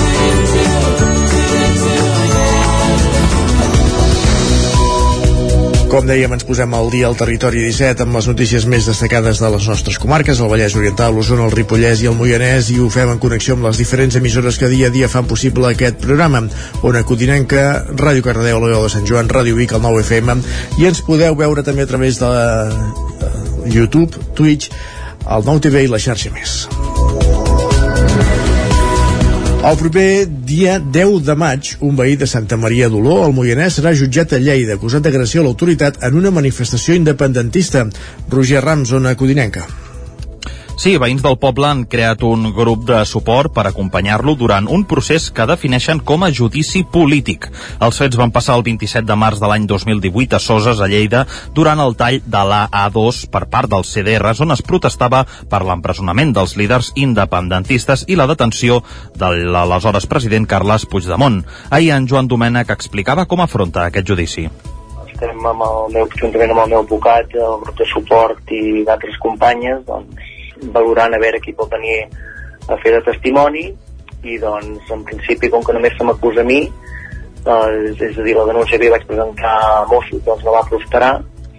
Doncs tenim clar que anirem a seu judicial a part de demanar la meva absolució doncs que el senyor jutge obri els ulls i reobri el cas en contra de Mossos aquell dia, en Joan va acabar hospitalitzat a causa de l'actuació dels Mossos d'Esquadra durant el desallotjament de l'autovia. Ahir comentava que en el moment de la intervenció policial ell no esperava aquella reacció per part de la policia. Va, va sorprendre crec que tothom, perquè clar, tu quan estàs en un, en un lloc que tu eh, t'esperes que et desallotgin, doncs que en lloc de desallotjar-te desallotjar tinguin a caçar, doncs eh, primer que et sorprèn i que no, no entens què està passant mai. Els seus advocats han defensat que l'actuació policial va ser desproporcionada, brutal i excessiva amb aquests qualificatius. Amb el judici esperen que puguin reobrir el cas desestimat contra els agents que el van deixar inconscient, però tot i així en Joan pensa que no tindrà un judici just. Més qüestions, gràcies Roger. Sant Julià de Vilatorta, Osona, preveu tenir la residència de gent gran enllestida a finals de l'any 2025. Ara, falta de menys de dos mesos per les eleccions, se n'ha presentat l'avantprojecte Sergi Vives. L'1 de març de 2017 la idea d'una residència de gent gran a Sant Julià de Vilatorta va començar a caminar en una xerrada entre un grup de dones una tarda al casal dels avis. Sis anys després, l'Ajuntament n'ha presentat l'avantprojecte. Gràcies als fons europeus Next Generation, el poble podria tenir la residència a finals del 2025. Joan Carles Rodríguez n'és l'alcalde. Ara ens veiem amb capacitat per tirar-la endavant. Per què? Per la, per la convocatòria Next Generation, que encara eh, l'Ajuntament de Sant Julià ha entrat una reformulació i per tant demanem una residència de 50 places. No ho tenim encara assegurat, però volem explicar l'avantprojecte, tota la feina que s'ha fet, ja tenim aprovat el pla especial urbanístic, es tracta d'una resolució provisional i la definitiva es donarà a conèixer a finals d'abril. El secretari de Drets Socials, Oriol Amorós, però, està convençut que el projecte seguirà endavant. És un projecte històric. Eh, fa molts anys que la Generalitat no invertia en, en construir obra i aquest any, gràcies als fons Next Generation, he de dir que amb la participació de, dels ajuntaments i també en propostes que han vingut de veïns, com és el cas de la, de la residència de Sant Julià de Vilatorta, farem una inversió que feia més de 15 anys que no es feia la residència, que serà municipal i s'ubicarà al costat del casal dels avis i al centre de dia, disposarà de 50 places i tindrà un model en el qual l'usuari estarà al centre del sistema. Oriol Amorós. La, la residència que hem d'imaginar pel futur és una residència on la gent ha de sentir-s'hi com a casa. Per tant, no és un lloc um, que sigui comparable a una casa de colònies, un hotel o un espai residencial, és un lloc comparable a una casa. Serà una residència que tindrà tres unitats de convivència, que per tant no hi haurà un gran menjador on tothom menjarà menjarà plegats, sinó que hi haurà uns espais comunitaris petits, d'una mida més humana, on volem que les persones grans eh, passin els seus últims anys amb un tracte exquisit i amb la dignitat que es mereixen. El centre disposarà d'espais perquè els usuaris se sentin útils i ocupats amb allò que han fet tota la vida, com ara una cuina i una bugaderia terapèutiques. A la planta baixa hi haurà els espais de suport, com el vestíbul, la recepció, la sala de fisioteràpia o la cuina central. Gràcies, Sergi. Més qüestions interns del centre penitenciari de Quatre Camins a la Roca del Vallès adequen contenidors de recollida selectiva com a refugis per a gats, per a Llinars del Vallès. Pol Grau, Ràdio Televisió, Cardedeu. L'Ajuntament de Llinars del Vallès ha donat suport a la iniciativa d'Amics Setgines, entitat dedicada a tenir cura de colònies de gats comunitaris, per adequar antics contenidors de recollida selectiva i convertir-los en refugis per a gats. Per poder portar a terme aquesta iniciativa, han comptat amb la col·laboració de Gats Quatre Camins, associació creada al centre penitenciari per gestionar la colònia de gats que hi havia al centre, i que realitza diverses accions per promoure la integració dels reclusos a la societat com ara aquesta. El resultat està l'adequació de dos contenidors. D'una banda, el grup d'interns de tallers han obert portes i decorat l'exterior de manera que es pugui compaginar l'accés dels gats i dels voluntaris amb una estètica interessant. I un altre grup d'interns amb trastorns mentals ha fet el gis per als gats decorant caixes de fusta i roba. Tanmateix, l'associació Arca de Noa, externa al centre, ha deixat els prestatges interiors on aniran els itets. Un dels contenidors s'ha instal·lat al barri de Sant Carles i l'altre als voltants del cementeri municipal. Més endavant s'adequaran dos contenidors més per a altres punts del poble.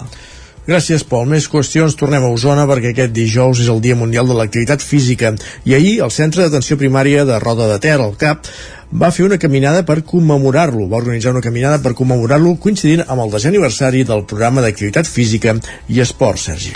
Hi van participar unes 70 persones que van fer un recorregut d'entre 4 i 5 quilòmetres pel camí dels Pous. Una caminada que s'ha fet per commemorar el Dia Mundial de l'Activitat Física i a més en un dia molt especial, ja que a banda de persones grans també hi havia els nets coincidint amb les vacances escolars de Setmana Santa. El Jordi i el Guerau Aguilar són a Vinet. Avui, bueno, avui ens ho hem passat més bé perquè hem anat amb nets. Això que de principi em deia que no, que només hi haurien viejos, però s'ho ha passat pipa perquè hi havia uns seus amics de l'escola. M'ha agradat bastant anar a caminar.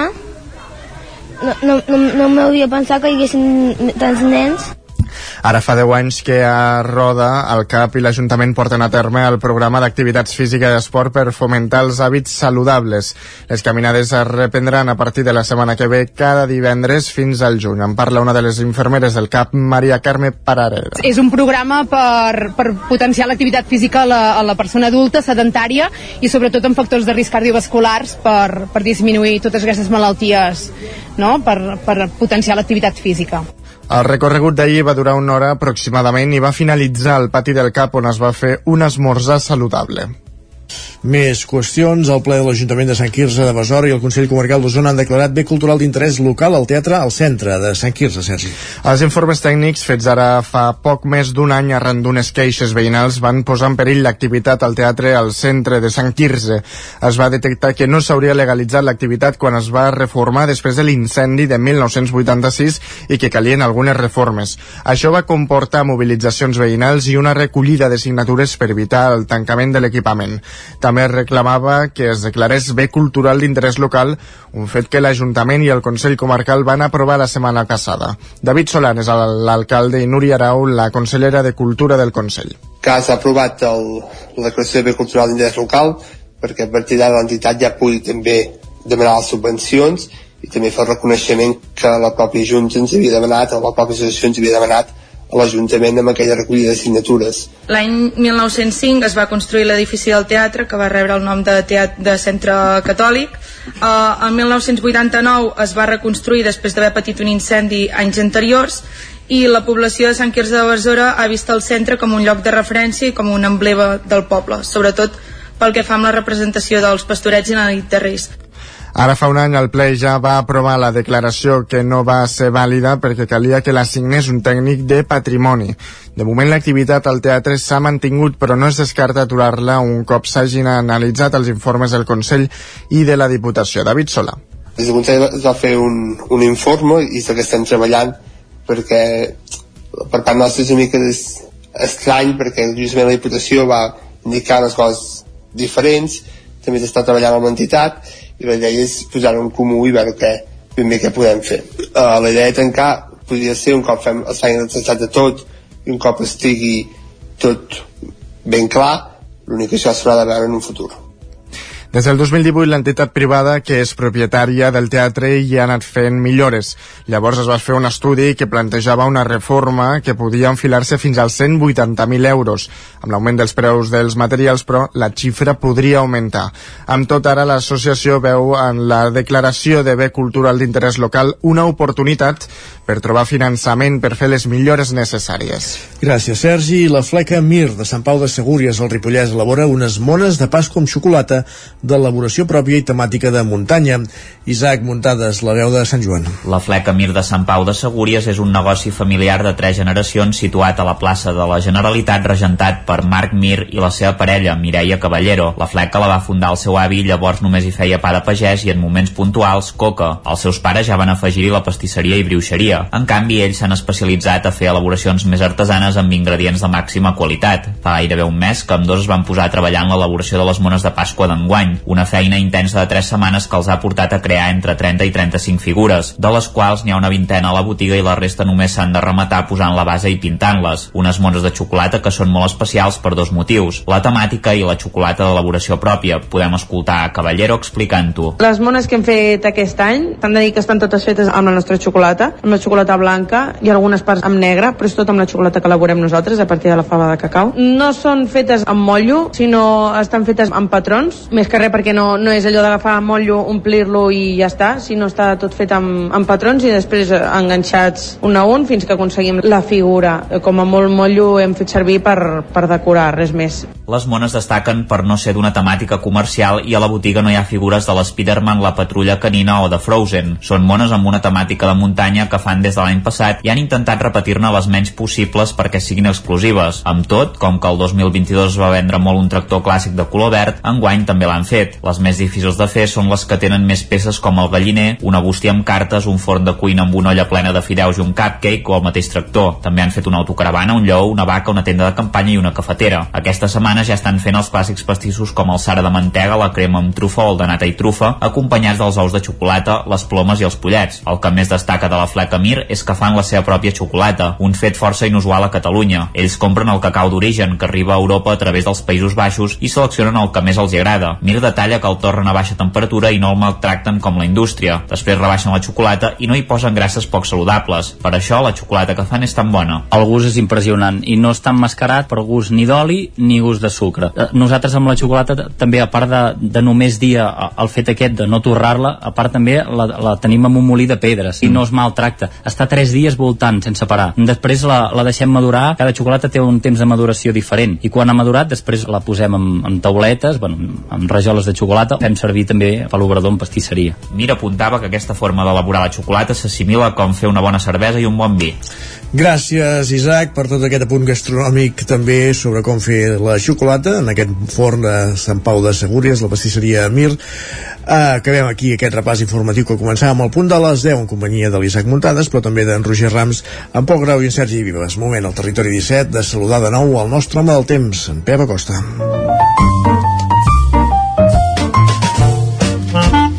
Casa Terradellos us ofereix el temps. perquè volem saber el temps que farà avui, però també la resta de dies d'aquesta llarg pont de Setmana Santa. Pep, benvingut, bon dia. Hola, molt bon dia. Doncs que tindrem màximes altes, aniran pujant, eh, sobretot divendres i dissabte, són quan les temperatures seran més altes aquesta Setmana Santa, superiors als 20 graus a moltes zones, però les temperatures mínimes continuaran sent baixes. Eh, podem notar que aquesta nit, però gairebé totes les nits, eh, moltes màximes entre els 2 i els 6-7 graus. Per tant, fred a la nit, de dia, molta suavitat. Uh, molt de sol als matins i a les tardes que s'amen de quatre nuvolades. Quan dic quatre nuvolades, són quatre nuvolades i en cap cas deixaran precipitació. Els vents tots els dies bastant febles, eh, no hi haurà cap, eh, cap vendaval ni de bon tros i per tant serà un temps molt tranquil, molt pla. I això és tan vàlid com avui, demà, eh, divendres, i diumenge. Mm, no hi ha aquest canvi aquests, eh, tots aquests dies. Eh, els matins freds, eh, quatre núvols a les tardes i temperatures entre els 18 i els 22 graus la majoria de dies les màximes. No, no...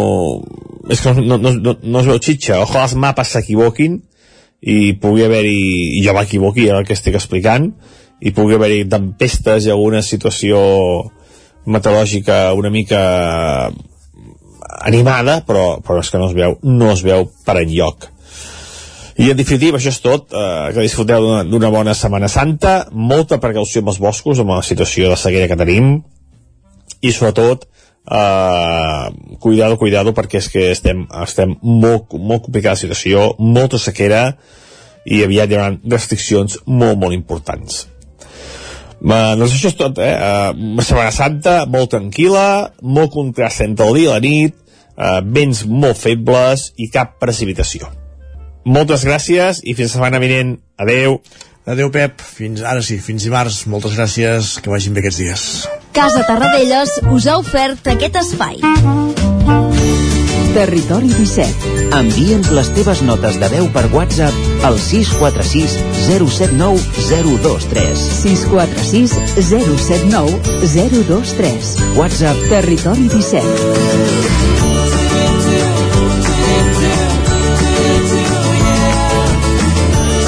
Territori 17.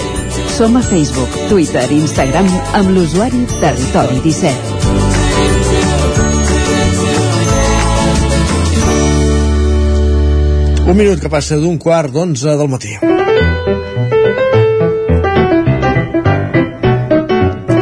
I és ara el territori 17 d'anar a la cuina, o a la pastisseria en aquest cas. Ens endinsem a la Foc Lent, avui en companyia d'en Pol Grau de Ràdio Televisió Cardedeu, que ha visitat la pastisseria Ricós. Pol, benvinguts una setmana més, bon dia.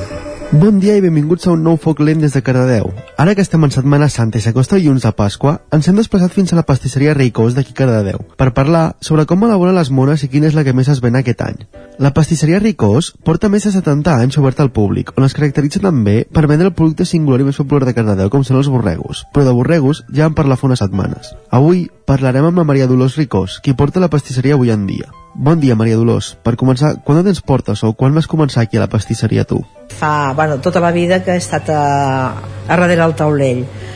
Uh, de sempre. Vull dir, ja no me'n recordo ni quan vaig començar, però sempre he trastejat i he fet coses aquí a darrere la, al taulell.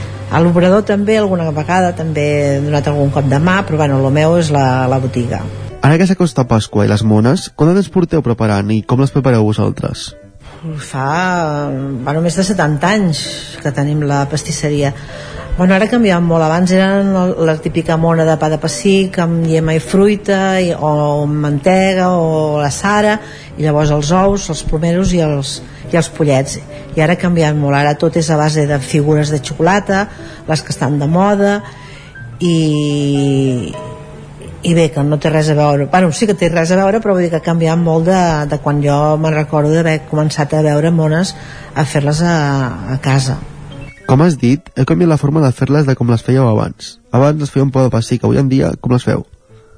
Ara, bueno, és això, figures de xocolata que, que es fan amb motllos o algunes així amb pla que fan una plantilla i, si, i amb, amb les bases de, de pastís, però cada vegada és menys, vull dir, sembla que als nanos els hi tira més el de la xocolata la gent d'abans encara sí que et demana la típica Sara o ara també fe, es fa molt tipus nates i xocolates i sàcher, que això abans mm, era impensable perquè era la guiema i fruita, la mantega i la Sara la gent que us demana mones, us les fan com abans i us diuen que volen o venen directament i us agafen les que teniu per aquí a l'aparador? Els de pastís sí, sobre comanda normalment perquè demanen doncs, el que volen de farcit o el, i, les, i les figures de sobre normalment la gent ja, té, ja ve amb una idea i si algú els agrada llavors volen posar-ho sobre el pastís però bueno, sempre acabem amb els ous i els pollets i les plomes Normalment cada any destaca alguna cosa en què es fan les mones o hi ha alguna que es ven més que les altres quina és la que s'espera que es vengui o més triomfi aquest any?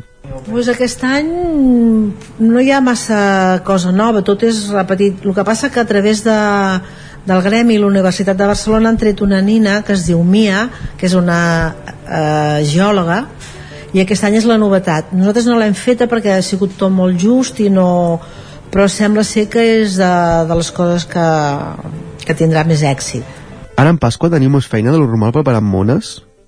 Bueno, eh, anem fent, vull dir, no... És, cada, el que passa que cada vegada amb totes les diades és més a l'última hora, vull dir, sembla que tothom va esperant, va esperant i llavors el divendres o el dissabte tothom correm i tots perquè eh, ara se celebra el dilluns. Tota la vida jo havia vist que la, la Pasqua i la mona de Pasqua era el diumenge i ara s'ha traslladat el dilluns. Suposo que és perquè la gent marxa i el dilluns és quan tornen a casa i llavors fan eh, la mona però, bueno, la mona, la mona de pastís.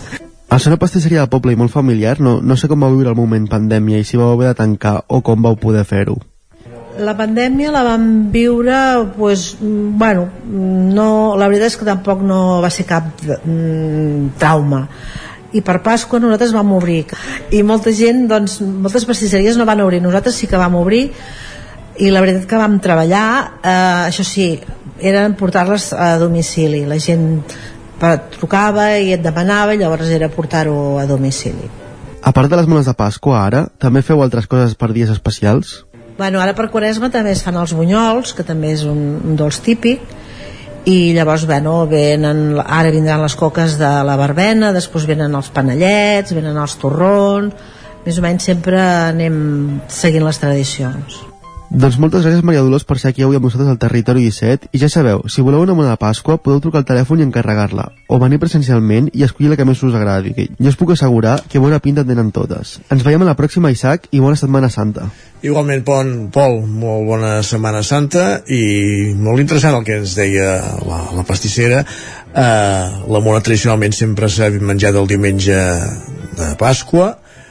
Últimament també hi ha la tradició de menjar-la el dilluns, que es mengi el dia que, o bonament, on vulgui pugui, eh, però ja, ho, ja us han explicat ja ens han explicat en aquest afoc lent doncs, la, la bona manera de, de fer aquestes mones o abans també les notícies en, aquesta, en aquest cas de la pastisseria de, de Sant Pau de Segúries. Com deien, gràcies Pol, acabem aquí l'afoc lent avancem al territori 17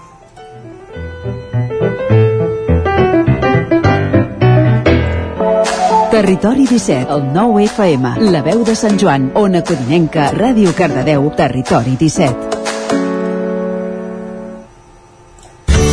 Territori 17. Envia'ns les teves notes de veu per WhatsApp al 646 079 023. 646 079 023. WhatsApp Territori 17.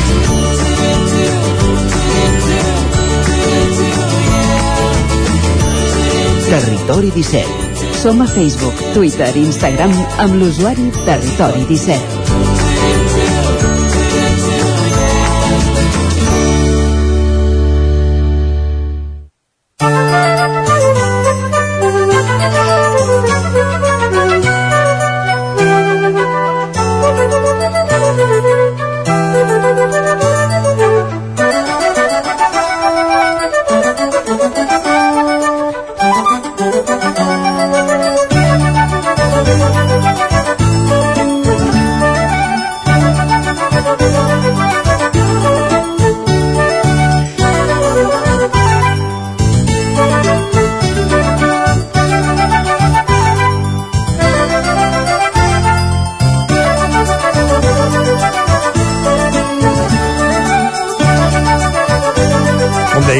Avancem al territori 17 i ho fem avançant amb música. Aquesta setmana us ho explicàvem, bé, fet, us explicàvem la setmana passada amb en Jordi Vilarrodà com començàvem a parlar dels actes del 175 aniversari del Casino de Vic, que dins aquests actes el que hi haurà és un concert a l'Atlàntida el dia 14 d'abril amb grans noms de l'escena, podríem dir usonenca i biguetana com els de Quimi Portet, eh, Joana Serrat, com de Power Burgas o el retorn de, o la reparició dels històrics Double Buble cartell al qual s'hi ha afegit la iaia que també reapareixen després de- d'estar de, inactius per fer aquest concert, com dèiem, el 14 d'abril a l'Atlàntida. Amb la, amb la iaia arribem fins a la pausa i després la resta de continguts previstos pel territori 17 d'avui. Piolades, Alegria Interior i el Lletra Ferits en companyia de la Marta Simón de la llibreria Muntanya de Llibres. jo, jo ja m'he estimat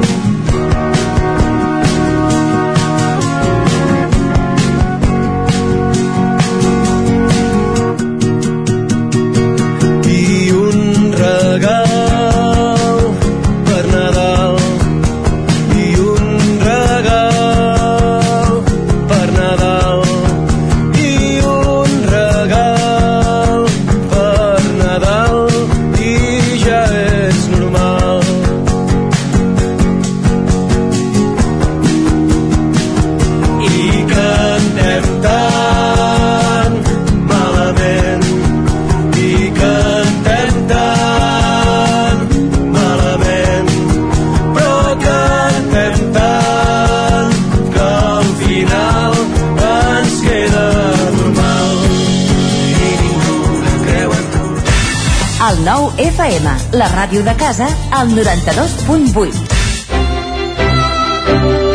A Boi Galtés trobaràs tot el que necessites relacionat amb l'equitació, t'assessorem i t'equipem amb tot el que et faci falta. Som especialistes. No ho dubtis i vine a Boi Galtés. Ens trobaràs al carrer Jaume I de Vic, número 5, al 93 886 1420, a la nostra web www.boigaltés.es i també som a Instagram, boigaltés.equitació. Bon dia, us truco del servei tècnic oficial de Bailand. Hem detectat que la pressió de la seva caldera està baixant. No me n'havia adonat. Com es pot solucionar? Ho resoldrem en uns minuts. No espereu més. Amb el servei de manteniment ServiPlus Connect de Bailand, preocupeu-vos del que realment importa. Nosaltres ens encarreguem de la vostra caldera. Informeu-vos a connectivitat.bailand.es. Ser a prop vol dir veure les coses més bé. Apropa't al que t'interessa amb la xarxa Més. La teva plataforma audiovisual de qualitat, proximitat i gratuïta. Gaudeix dels continguts de més de 30 televisions locals i podcast quan, com i on tu vulguis.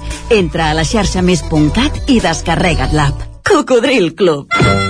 Si t'agrada la bona música dels anys 60, 70 i 80, escolta el 9 FM als matins de dissabtes i diumenges d'11 a 1.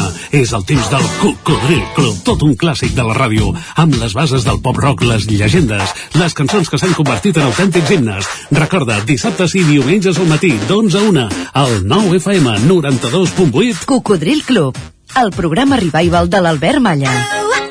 Hasta Anuncia't al 9FM. La màquina de casa. 9 3 8 8 9 4 9 4 9. Publicitat arroba al 9fm.cat. Anuncia't al 9FM. La publicitat més eficaç.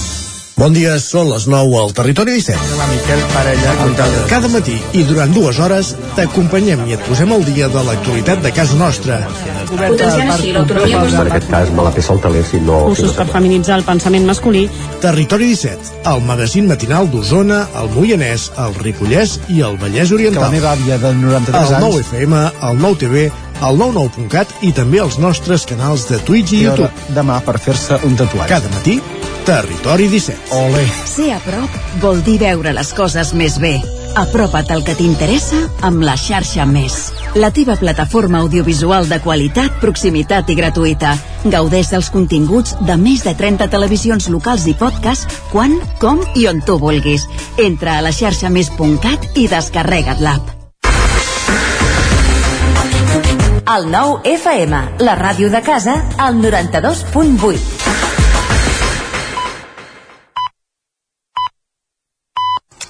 En, punt, dos quarts d'onze al territori 17.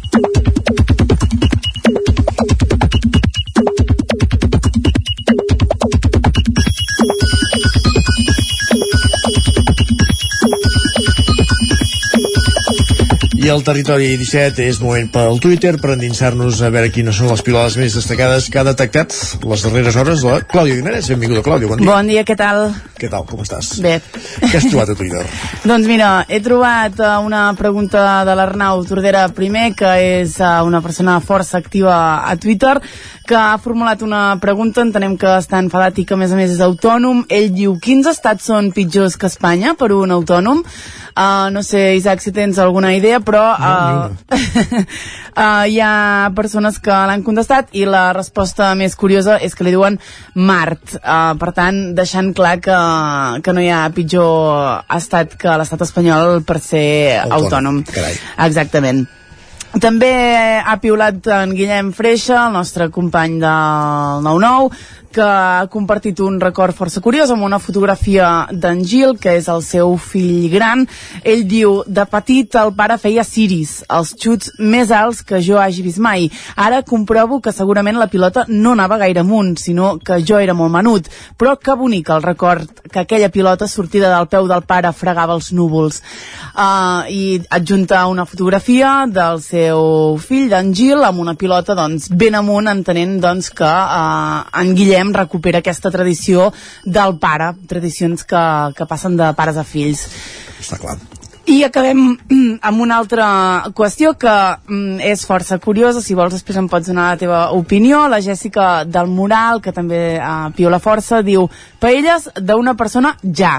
Uh, soc al Delta uh, de l'Ebre, entenem, i sola, i l'única opció que tenim... Uh, perdoneu, torno a començar. Soc al Delta, sola, i l'única opció que tinc és preguntar al desconegut de la taula del costat si ell també vol arròs de cranc blau però diu, ara fa temps que no faig uh, coses de tarada i estic una mica desentrenada. Per tant, una reivindicació que posem damunt la taula des del territori 17, paelles per una persona... I no, I no només pel fet d'anar sol pel món, eh, sinó perquè, perquè no necessàriament si tu et ve de gust una paella, que, te, que tens al costat l'ha de voler també. És que t'obliga a compartir això. Exacte. I, i no tothom pot, li pot venir de gust el mateix plat en aquell moment.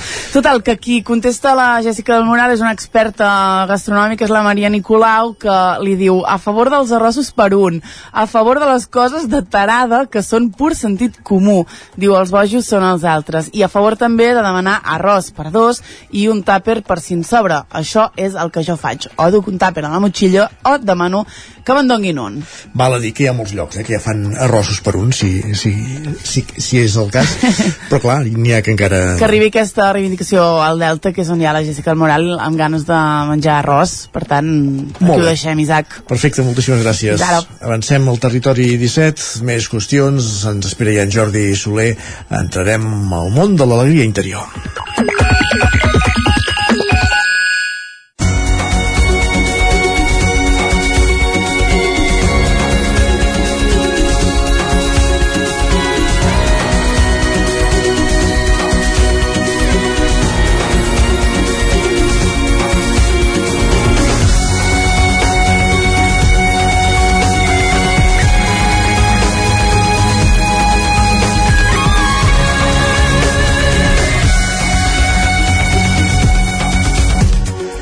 Doncs com bé dèiem, ja ens acompanya en Jordi Soler, està assegut als estudis del 9FM. Jordi, benvinguts, bon dia. Molt bon dia. De què parlem avui? Avui d'una altra paraula originària del Japó, aquestes màgiques, eh, que encapsulen un munt de, de significat, que és Tegewa.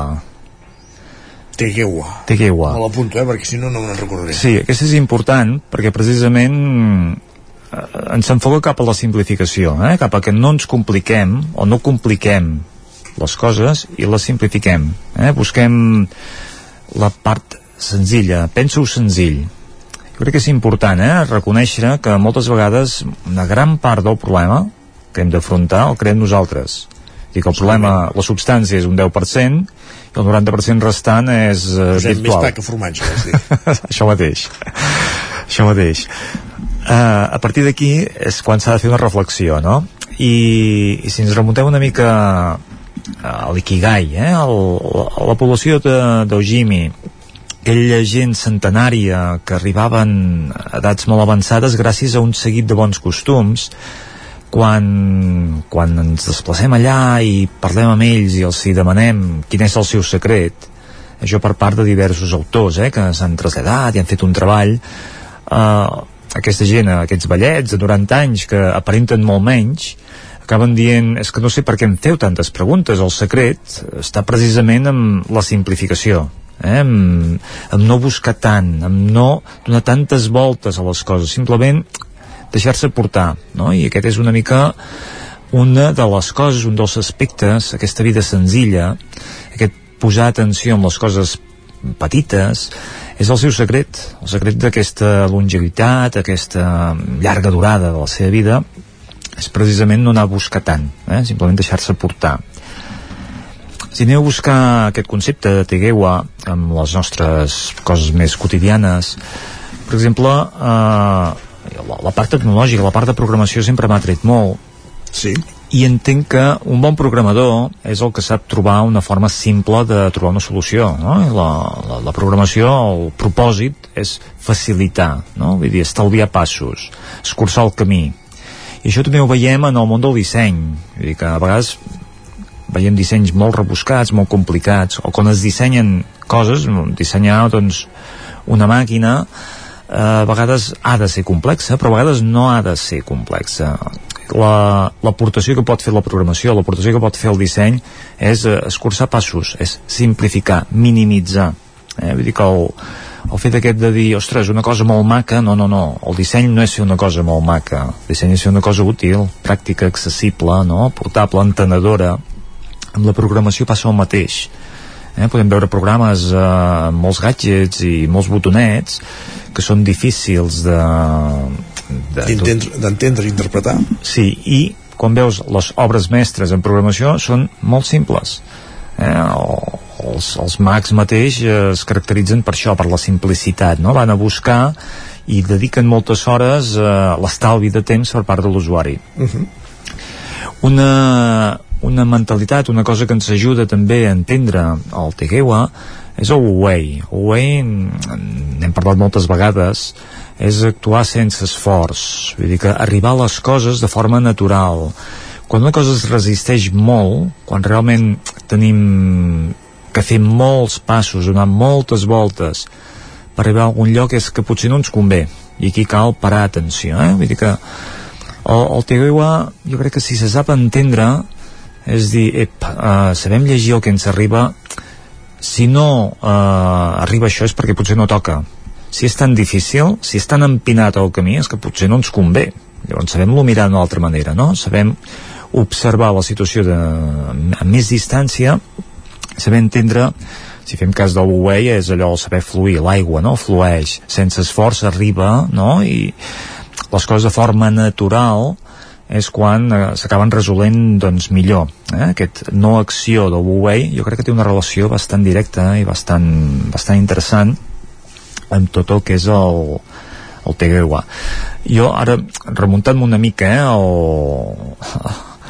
a un aspecte que crec que podria encaixar per entendre bé el Tegewa jo quan devia tenir, no sé 20 i pocs anys eh, vaig aficionar una mica a l'excursionisme i em vaig anar a comprar una, una motxilla no? una motxilla, una McKinley allò ben equipada i clar, arribo a casa amb la motxilla, un munt de compartiments no? un munt d'espai bueno, què, què hi farem? Il·lusionant, no? va, doncs vinga l'impermeable eh, vaig començar doncs a un botiquín eh, la gandiplora d'aigua eh, la brúixola, el ganivet multifunció mm, Tot, roba, roba de recanvi en fi, vaig començar a omplir, omplir, omplir aquella motxilla perquè esclar, tenia una motxilla que, que ho demanava no? i això em va portar realment a carregar-me sobrecarregar-me del que necessitava i del que no necessitava no? I llavors eh, sé que la primera excursió que vaig fer amb aquella motxilla, que no va ser tampoc una gran excursió, em va fer entendre de que moltes vegades ens sobrecarreguem, no? Allò per si plou, per si no sé què, i vaig descuidar aspectes importants com era el calçat. En aquella època, ara sí que hi ha la Salomon, hi ha mil marques altres, sí, sí. Que són específiques per fer trekking i per fer senderisme. Jo sé que en aquells temps amb, amb les sabatilles... Les eh, giruques. Bueno, les giruques, els, els excursionistes, excursionistes. Correcte. Eh? Els que no érem excursionistes, els iniciats, bueno, els que ens iniciàvem, millor dit, anàvem amb, la, anàvem amb les sabatilles de jugar a tenis, vull dir que una cosa del tot desaconsellable, eh? Perquè recordo que vaig arribar a casa amb els peus eh, fets malbé sí, sí. i adonant-me de que aquest sobrepès, aquesta sobrecàrrega, aquest excés de donar voltes a les coses, doncs no m'havia ajudat, en absolut, no? Ara però estem en un altre paradigma, que és que uh, uh, la, la motxilla és molt més petita, tots aquests equipaments que hi posem a dintre també són molt més petits i ho acabem portant tot, però més compactat, de fet. Sí, i, i fixa't que, que bueno, que tothom es veu en cor de fer grans travesses. Això eh? també, sí. Abans eren els excursionistes que anaven ben equipats, que feien la gran travessa, que anaven amb la tenda, anaven amb tot l'equipament, i ara és fàcil veure doncs, un munt de gent que fa doncs, travesses i amb la ronyonera i sí, sí, ben, ben equipats no? perquè la roba tècnica doncs, en aquest sentit ajuda anar de buscar aspectes del Tegeua eh? Vull dir que hem dit, no carregant-nos no donar voltes, no complicant-nos simplificar jo aquests dies he tingut l'oportunitat de veure dues pel·lícules que m'hi han portat eh? una és el Tetris mm -hmm. Tetris, eh, per qui no el conegui és un dels jocs d'ordinador que van tenir més èxit en el seu moment, cap als principis dels 80 sí. elaborat per un rus que pobret no tenia ni tecnologia però bueno, amb la poca tecnologia que tenia va arribar a elaborar el que és el, bueno, una obra mestra Correcte. en, en el tema dels videojocs i va triomfar, va, va entrar, perquè a més a més el van posar a la Game Boy com a joc així, eh, així de sortida, sí. i va triomfar per la seva simplicitat, perquè tothom amb un en poc temps podia arribar a aprendre i entendre el propòsit del joc. I era realment, o és molt addictiu però ho és per la seva simplicitat vull dir que sí, sí. la genialitat vull dir, qualsevol que ho vegi dirà, home, el Tetris vull dir, tampoc és, vull dir, els videojocs actuals evidentment que són molt més sofisticats i els videojocs de l'època també arribaven a ser molt més sofisticats però la persona que els jugava doncs potser havia d'invertir un temps en aprendre-ho en canvi el Tetris de seguida entraves i jugaves i, i disfrutaves, no? I era, i era addictiu. La seva simplicitat, vull dir que vaig pensar, sí senyor, no? Vull dir que el, el secret una mica va ser trobar aquesta fórmula no complicada de fer les coses. Una altra pel·lícula que, que he vist fa un parell de dies, també molt interessant, Gran Maurice. Sí. Gran Maurice, un senyor d'una vida austera, simple, eh? un treballador allò amb una indústria naviera, que portava una grua, vull dir una feina allò modesta, que un dia va veure un partit de golf i es va encandilar amb, amb el golf i va decidir que anava a jugar, que volia jugar a golf, no? Però, i és, és basat en un fet real, a més a més, sí, això, eh? Vull dir que és un cas real. Doncs aquest senyor va acabar jugant al, a l'Open d'Anglaterra Carai. eh, i no un any, sinó més d'un any un senyor que no tenia cap experiència en golf que, bueno, es va caracteritzar per ser el pitjor jugador de golf de la història vull dir que si tothom feia una puntuació que en el cas del golf eren és quan menys punts millor Correcte. de 20 i tants ell devia estar a 60 o 70 bueno, triplicava o, o més Aleshores, per tant era un resultat allò caricaturesc no? De, de riure però més enllà d'això és ell sentia que havia de jugar a golf i sentia que era el, la, la seva vida i se les ingeniava perquè sense cap esforç acabava doncs compartint espai amb els grans professionals del golf no? i la gent se sorprenien i fins i tot va acabar i això és un fet real convidat als Estats Units per un club que van fer en honor seu per dir, no anem a guanyar, anem a disfrutar no, del golf, i va donar espai, diguéssim, a, bueno, a una nova visió eh, sobre això, i ell ho va fer sense esforç per disfrutar, i va arribar molt lluny en aquest sentit. Dic, un altre exemple de, de Tegeua. I això, que les coses són bones, les coses bones, si són breus, ja ho diuen, eh? són doblement bones. Vull dir que quedem-nos amb, quedem amb aquesta premissa. Tegeua. Tegeua, les coses senzilles. Sí, senyor. I útils. Gràcies, Jordi. A vosaltres. Bons dies. Bon dia. Adéu. Avancem al territori 17 i després de l'alegria interior de conèixer aquest concepte japonès, el Tegewa, el que farem serà conèixer llibres, propostes de cara a Sant Jordi que ens porta la llibretera Marta Simón de la llibreria Muntanya Llibres.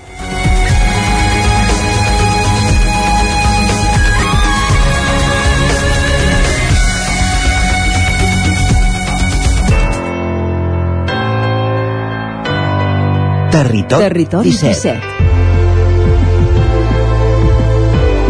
Territori 17.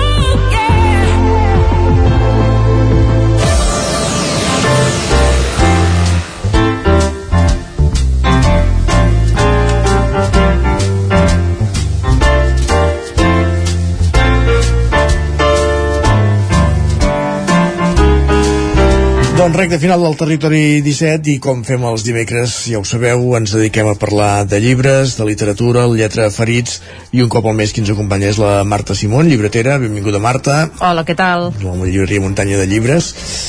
Avui ens portes recomanacions de Sant Jordi, eh? Sí, alguna. Així, a veure, aquest Sant Jordi es presenta bastant carregat de novetats, eh? Oh, però hi ha una tragèdia, es veu que han posat un partit del Barça en un Sí. sí. d'avui, no sé què passarà. Sí. No ho sé, jo l'únic que sé és que fa dos mesos ja, pràcticament, o tres. Diria que just després de Nadal ens van deixar 15 dies per descansar els llibreters i ja Sí. vam començar a fer comandes per Sant Jordi.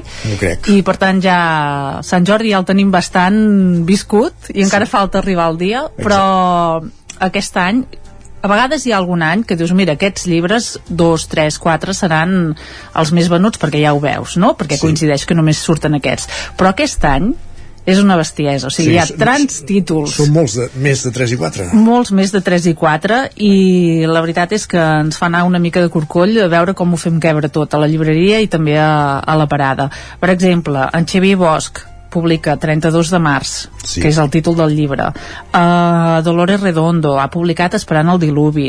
Uh, la Gemma Ruiz, Les nostres mares que després si tenim temps en parlarem. Jair Domínguez tindrà dos llibres uh, Dos llibres, dos a llibres. falta d'un, carai. sí, exacte, l'Alegro con Fuoco que és un de seu i un altre que després també si tenim temps en parlarem, que és el Grinch de Sant Jordi que és uh, una novel·la gràfica molt curteta uh, feta conjuntament amb l'Oriol Malet il·lustrador, la Gemma Ventura Premi Josep Pla amb la llei de l'hivern la Care Santos ha publicat El boig dels ocells la Sotana, precisament que parlaves del Barça Sí. ha tret una enciclopèdia del Barça Correcte, no? sí. per tant, o sigui, són molts títols que segur que seran dels més venuts i per tant hi ha moltíssims, és impossible parlar de tots i llavors jo n'he agafat eh, 3 o 4 que em sembla doncs, que són destacables i que potser són una mica diferents Molt bé. d'acord?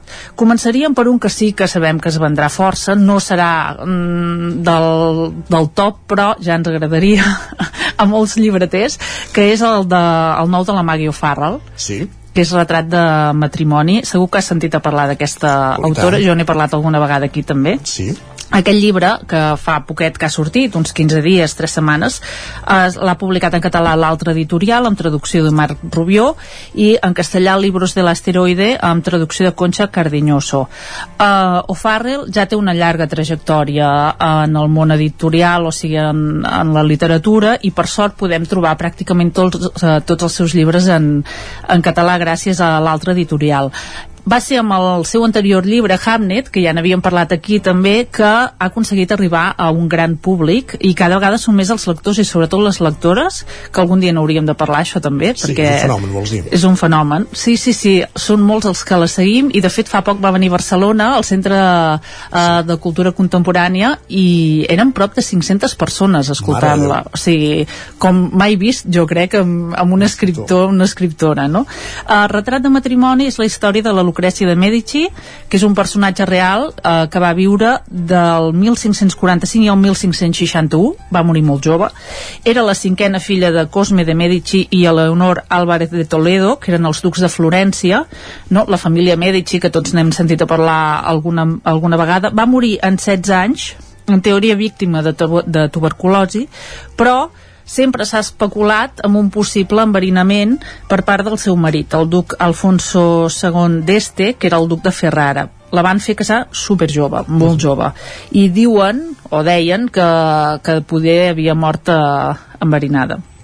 És la reivindicació una vegada més per part de Mario Farrell d'un personatge que va passar molt desapercebut perquè de fet de, que, de la Lucrecia de Medici només se'n conserva un retrat i eh, és com ella vol, el que vol és reivindicar aquesta, aquest personatge i imaginar a partir de les poques dades que s'entenen doncs com devia ser eh, la seva vida no? ens explica la vida d'aquesta nena de la seva infantesa i la seva joventut al Palazzo dels Medici el casament amb el duc de Ferrara que inicialment s'hi havia de casar la seva germana però es va morir i llavors eh, per mantenir doncs, els lligams que hi havia en aquella època doncs, d'interessos eh, per dinasties i tot doncs van casar-hi una altra filla i el trasllat a Ferrara on acaba morint. Eh, clar, veiem el canvi que suposa per una nena de 13 anys passar d'una família amb molts germans que a més la tenien una educació privilegiada a una altra cort on no coneix ningú amb un marit que li treu molts anys d'edat no, i que a més a més no acaba de ser aigua clara. I és amb això amb el que juga també l'autora no? des del principi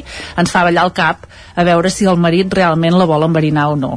I a partir dels eh, dels diversos plans amb què juga sempre Maggie O'Farrell, no? Que ens explica la història de la noia, però anant del present i recuperant també les, les parts del passat combina moments històrics per explicar-nos el present de la Lucrècia i també la seva història anterior.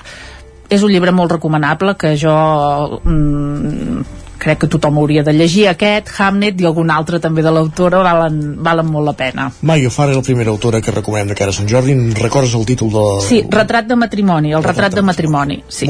Després un altre llibre que també està fent furor eh, a les xarxes i, i també hi ha a les llibreries és Demà i demà i demà sí? de Gabriel Zevin, publicat per edicions de Periscopi en català, amb traducció d'Ernest Riera i per ADN en castellà amb traducció de Núria Molines. Uh, és un dels llibres revelació d'aquest any, un d'aquells que es mouen pel boca-orella i que abans que sortís traduït al català i al castellà ja hi havia molta gent que en parlava a les xarxes, un llibre que ha aixecat moltes expectatives i que també de moment sembla que les està complint. Uh, és un llibre que el comences i que no el pots deixar perquè t'enganxa i no és gens difícil de llegir tampoc. Eh, els protagonistes són en Sam i la Sadi que comparteixen una mateixa afició que són els videojocs. Eh, diem això i diem que no és un llibre generacional, per tant, si vosaltres no heu jugat gaire als videojocs, no us ha caigut per, per edat eh, eh, aquesta afició, doncs no passa res perquè us pot interessar igualment. Anys més tard de conèixer es retroben i decideixen muntar una empresa per crear videojocs i per tant el llibre ens explica la relació d'amistat entre aquests dos personatges al llarg de dues dècades i com va evolucionant aquesta relació al mateix temps que ells també evolucionen i canvien què és el que enganxa tant d'aquest llibre? Doncs la manera com eh, l'autor ha construït els personatges, que els anirem eh, descobrint a poc a poc a partir de detalls, d'informació que l'autor ens va donant amb comptagotes i que ens permet reconstruir el seu món, entendre'l millor i fer-nos nostra la seva història. Per tant, doncs un llibre també molt recomanable que ens parla de la passió per viure, per perseguir un somni encara que sembli impossible, de la indústria també dels videojocs, de continuar endavant malgrat que la vida ens faci trontollar i també ens mostra doncs, la necessitat que tenim tots d'estimar i de sentir-nos estimats. Molt bé. Demà, demà i demà de Gabriel Zevin. I un altre, mm, també publicat per una, per una dona, m'ha quedat una secció molt feminista, eh? Bueno, ja Sense va, voler-ho, ja va però tant, sí. que és el ruralisme de la Vanessa Freixa, publicat per Ara Llibres. És un llibre especial que reivindica la necessitat de canviar la manera com vivim. Vanessa Freixa és filla del Pallar Sobirà, com molta gent quan era jove va marxar del seu poble i ara sí. de gran hi ha tornat per, eh, per recuperar i reivindicar també una altra manera de, de viure. Va arribar un moment que se sentia buida, que tenia molt soroll al seu voltant, que necessitava silenci i va decidir tornar al poble i comprar una borda. Una borda, ho explica ella mateixa a l'inici del llibre, eren uns espais agrícoles que no generaven tributs perquè no tenien un foc encès durant tot l'any. Per tant, no es consideraven cases, sinó que eren corrals per als animals o eren el lloc on es guardava l'herba que es dallava durant l'estiu a l'alta muntanya. Um, a la contraportada del llibre ens expliquen de l'autora que es dedica a la creació artística, a la divulgació i a la generació de pensament crític envers la ruralitat vindria a ser com eh, és una comparació una mica així per sobre, però saps la Maria Nicolau, sí. les reivindicacions que fa de, de la, la cuina, cuina sí. doncs la Vanessa Freixa vindria a ser el mateix amb la mateixa passió, les mateixes ganes la mateixa senzillesa a l'hora d'explicar-nos els arguments però que t'acaben convencent, uh -huh. doncs però amb el món rural, Carai. per tant seria, seria un llibre així ja, estem, ja estem muntant una taula rodona amb, tot, amb totes dues, eh? Exacte, jo crec que seria molt interessant eh? Uh, en aquest llibre defensa amb convicció i amb un estil, com deien, això vital i vibrant, doncs uh, que el ruralisme és avui dia l'opció més intel·ligent de supervivència i d'adaptació al col·lapse al qual ens aboquem com a, com a societat. I si et sembla, te llegiré un petit, un petit fragment. Endavant. Molt bé. Diu, Vull millorar com a persona a través del vincle que tinc amb la terra. D'altres ho faran a través d'una religió, d'unes pràctiques meditatives, de la música, fent bones accions o ajudant qui ho necessita. De vegades penso que potser em deixo portar per una il·lusió i que em forço a veure un lligam invisible que en realitat no existeix. La Terra no espera res de nosaltres, no depèn de nosaltres. Ella sap que som una anècdota breu en la seva llarguíssima existència i que passi el que passi, resistirà en el temps. Transcorrerà per estadis bellíssims i per moments de completa destrucció desfigurada i reconeixible. Tindrà paciència perquè no obeeix el rellotge i es regenerarà amb el temps que calvi que calgui. Canviarà la seva forma, modificarà els seus ecosistemes i posarà sol allí on hi va haver oceà i farà un bosc frondós allí on només hi va haver pastures. Perquè veieu una mica la- l'estil del llibre, eh? Doncs Rural- aquest seria ruralisme. De la Vanessa Freixa, com bé deies. Exacte. Tenim temps per alguna altra recomanació? Abans deies que si teníem temps podíem parlar de la Gemma Ruiz o, bueno, o d'altres, eh? Sí, mira, el de la Gemma Ruiz, que també el porto aquí, és el de les nostres mares, que va ser el Premi Sant Jordi. Uh, la Gemma Ruiz, els que la vam descobrir amb Margelagues, doncs ara tenim la sort de tornar a tenir un llibre molt ben construït uh, pel que fa a la llengua, com ja ens té acostumats. Aquí trobareu el, el mateix estil. I en aquest cas el que fa la Gemma és reivindicar la generació de dones que eh, una mica va eh, renunciar als seus somnis perquè les seves filles doncs sí que poguessin triar no? i ell el que ha fet és ella s'ha documentat i és, coneix molt bé tot el tema del feminisme teòricament i de la història del feminisme a casa nostra també i el que fa és retratar o explicar-nos tota aquesta generació a partir de 10 històries protagonitzades per dones de diferents eh, nivells econòmics i de diferents àmbits culturals i ens demostra doncs això, no? Eh, tota aquesta generació de dones que eh, van haver de renunciar eh, de quedar-se a casa no?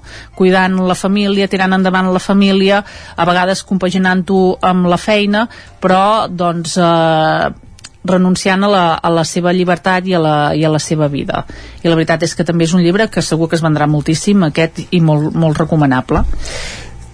Tenim un minutet per alguna altra proposta? Sí, mira, un de molt fàcil, que és el Llangarut, que és el nou llibre de la Incorrecta, publicat per sí. Montena. La Incorrecta és un projecte format per dues germanes, la Valentina i la Júlia Planes, que es van donar a conèixer a través d'Instagram, van fer un parell de llibres que han sonat molt, que són Parla bé collons i catalanament, i ara ens proposen un quadern amb 112, amb 102 activitats Sí. de tota mena i de, de diversos nivells de dificultats eh, i de temàtiques molt diverses per millorar eh, el nostre coneixement del català. Una manera de passar una bona estona i a l'hora d'aprendre o simplement de repassar conceptes que ens van quedant oblidats.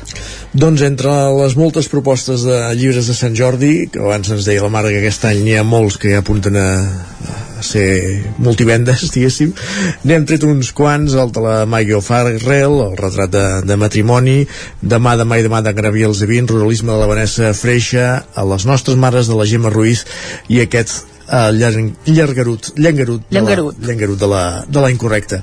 Marta, moltíssimes gràcies una setmana més i que vagi A molt bé aquests dies. Que vagi bé. Adéu-siau.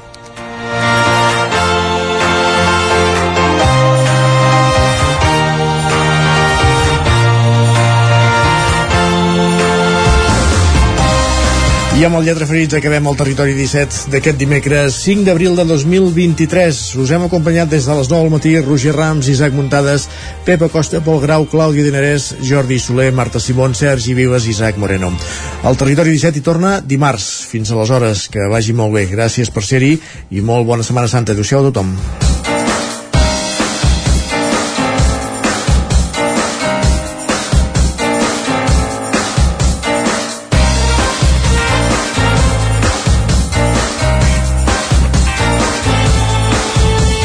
Territori 17, un magazín del nou FM. La veu de Sant Joan, Ona Codinenca i Ràdio Cardedeu amb el suport de la xarxa.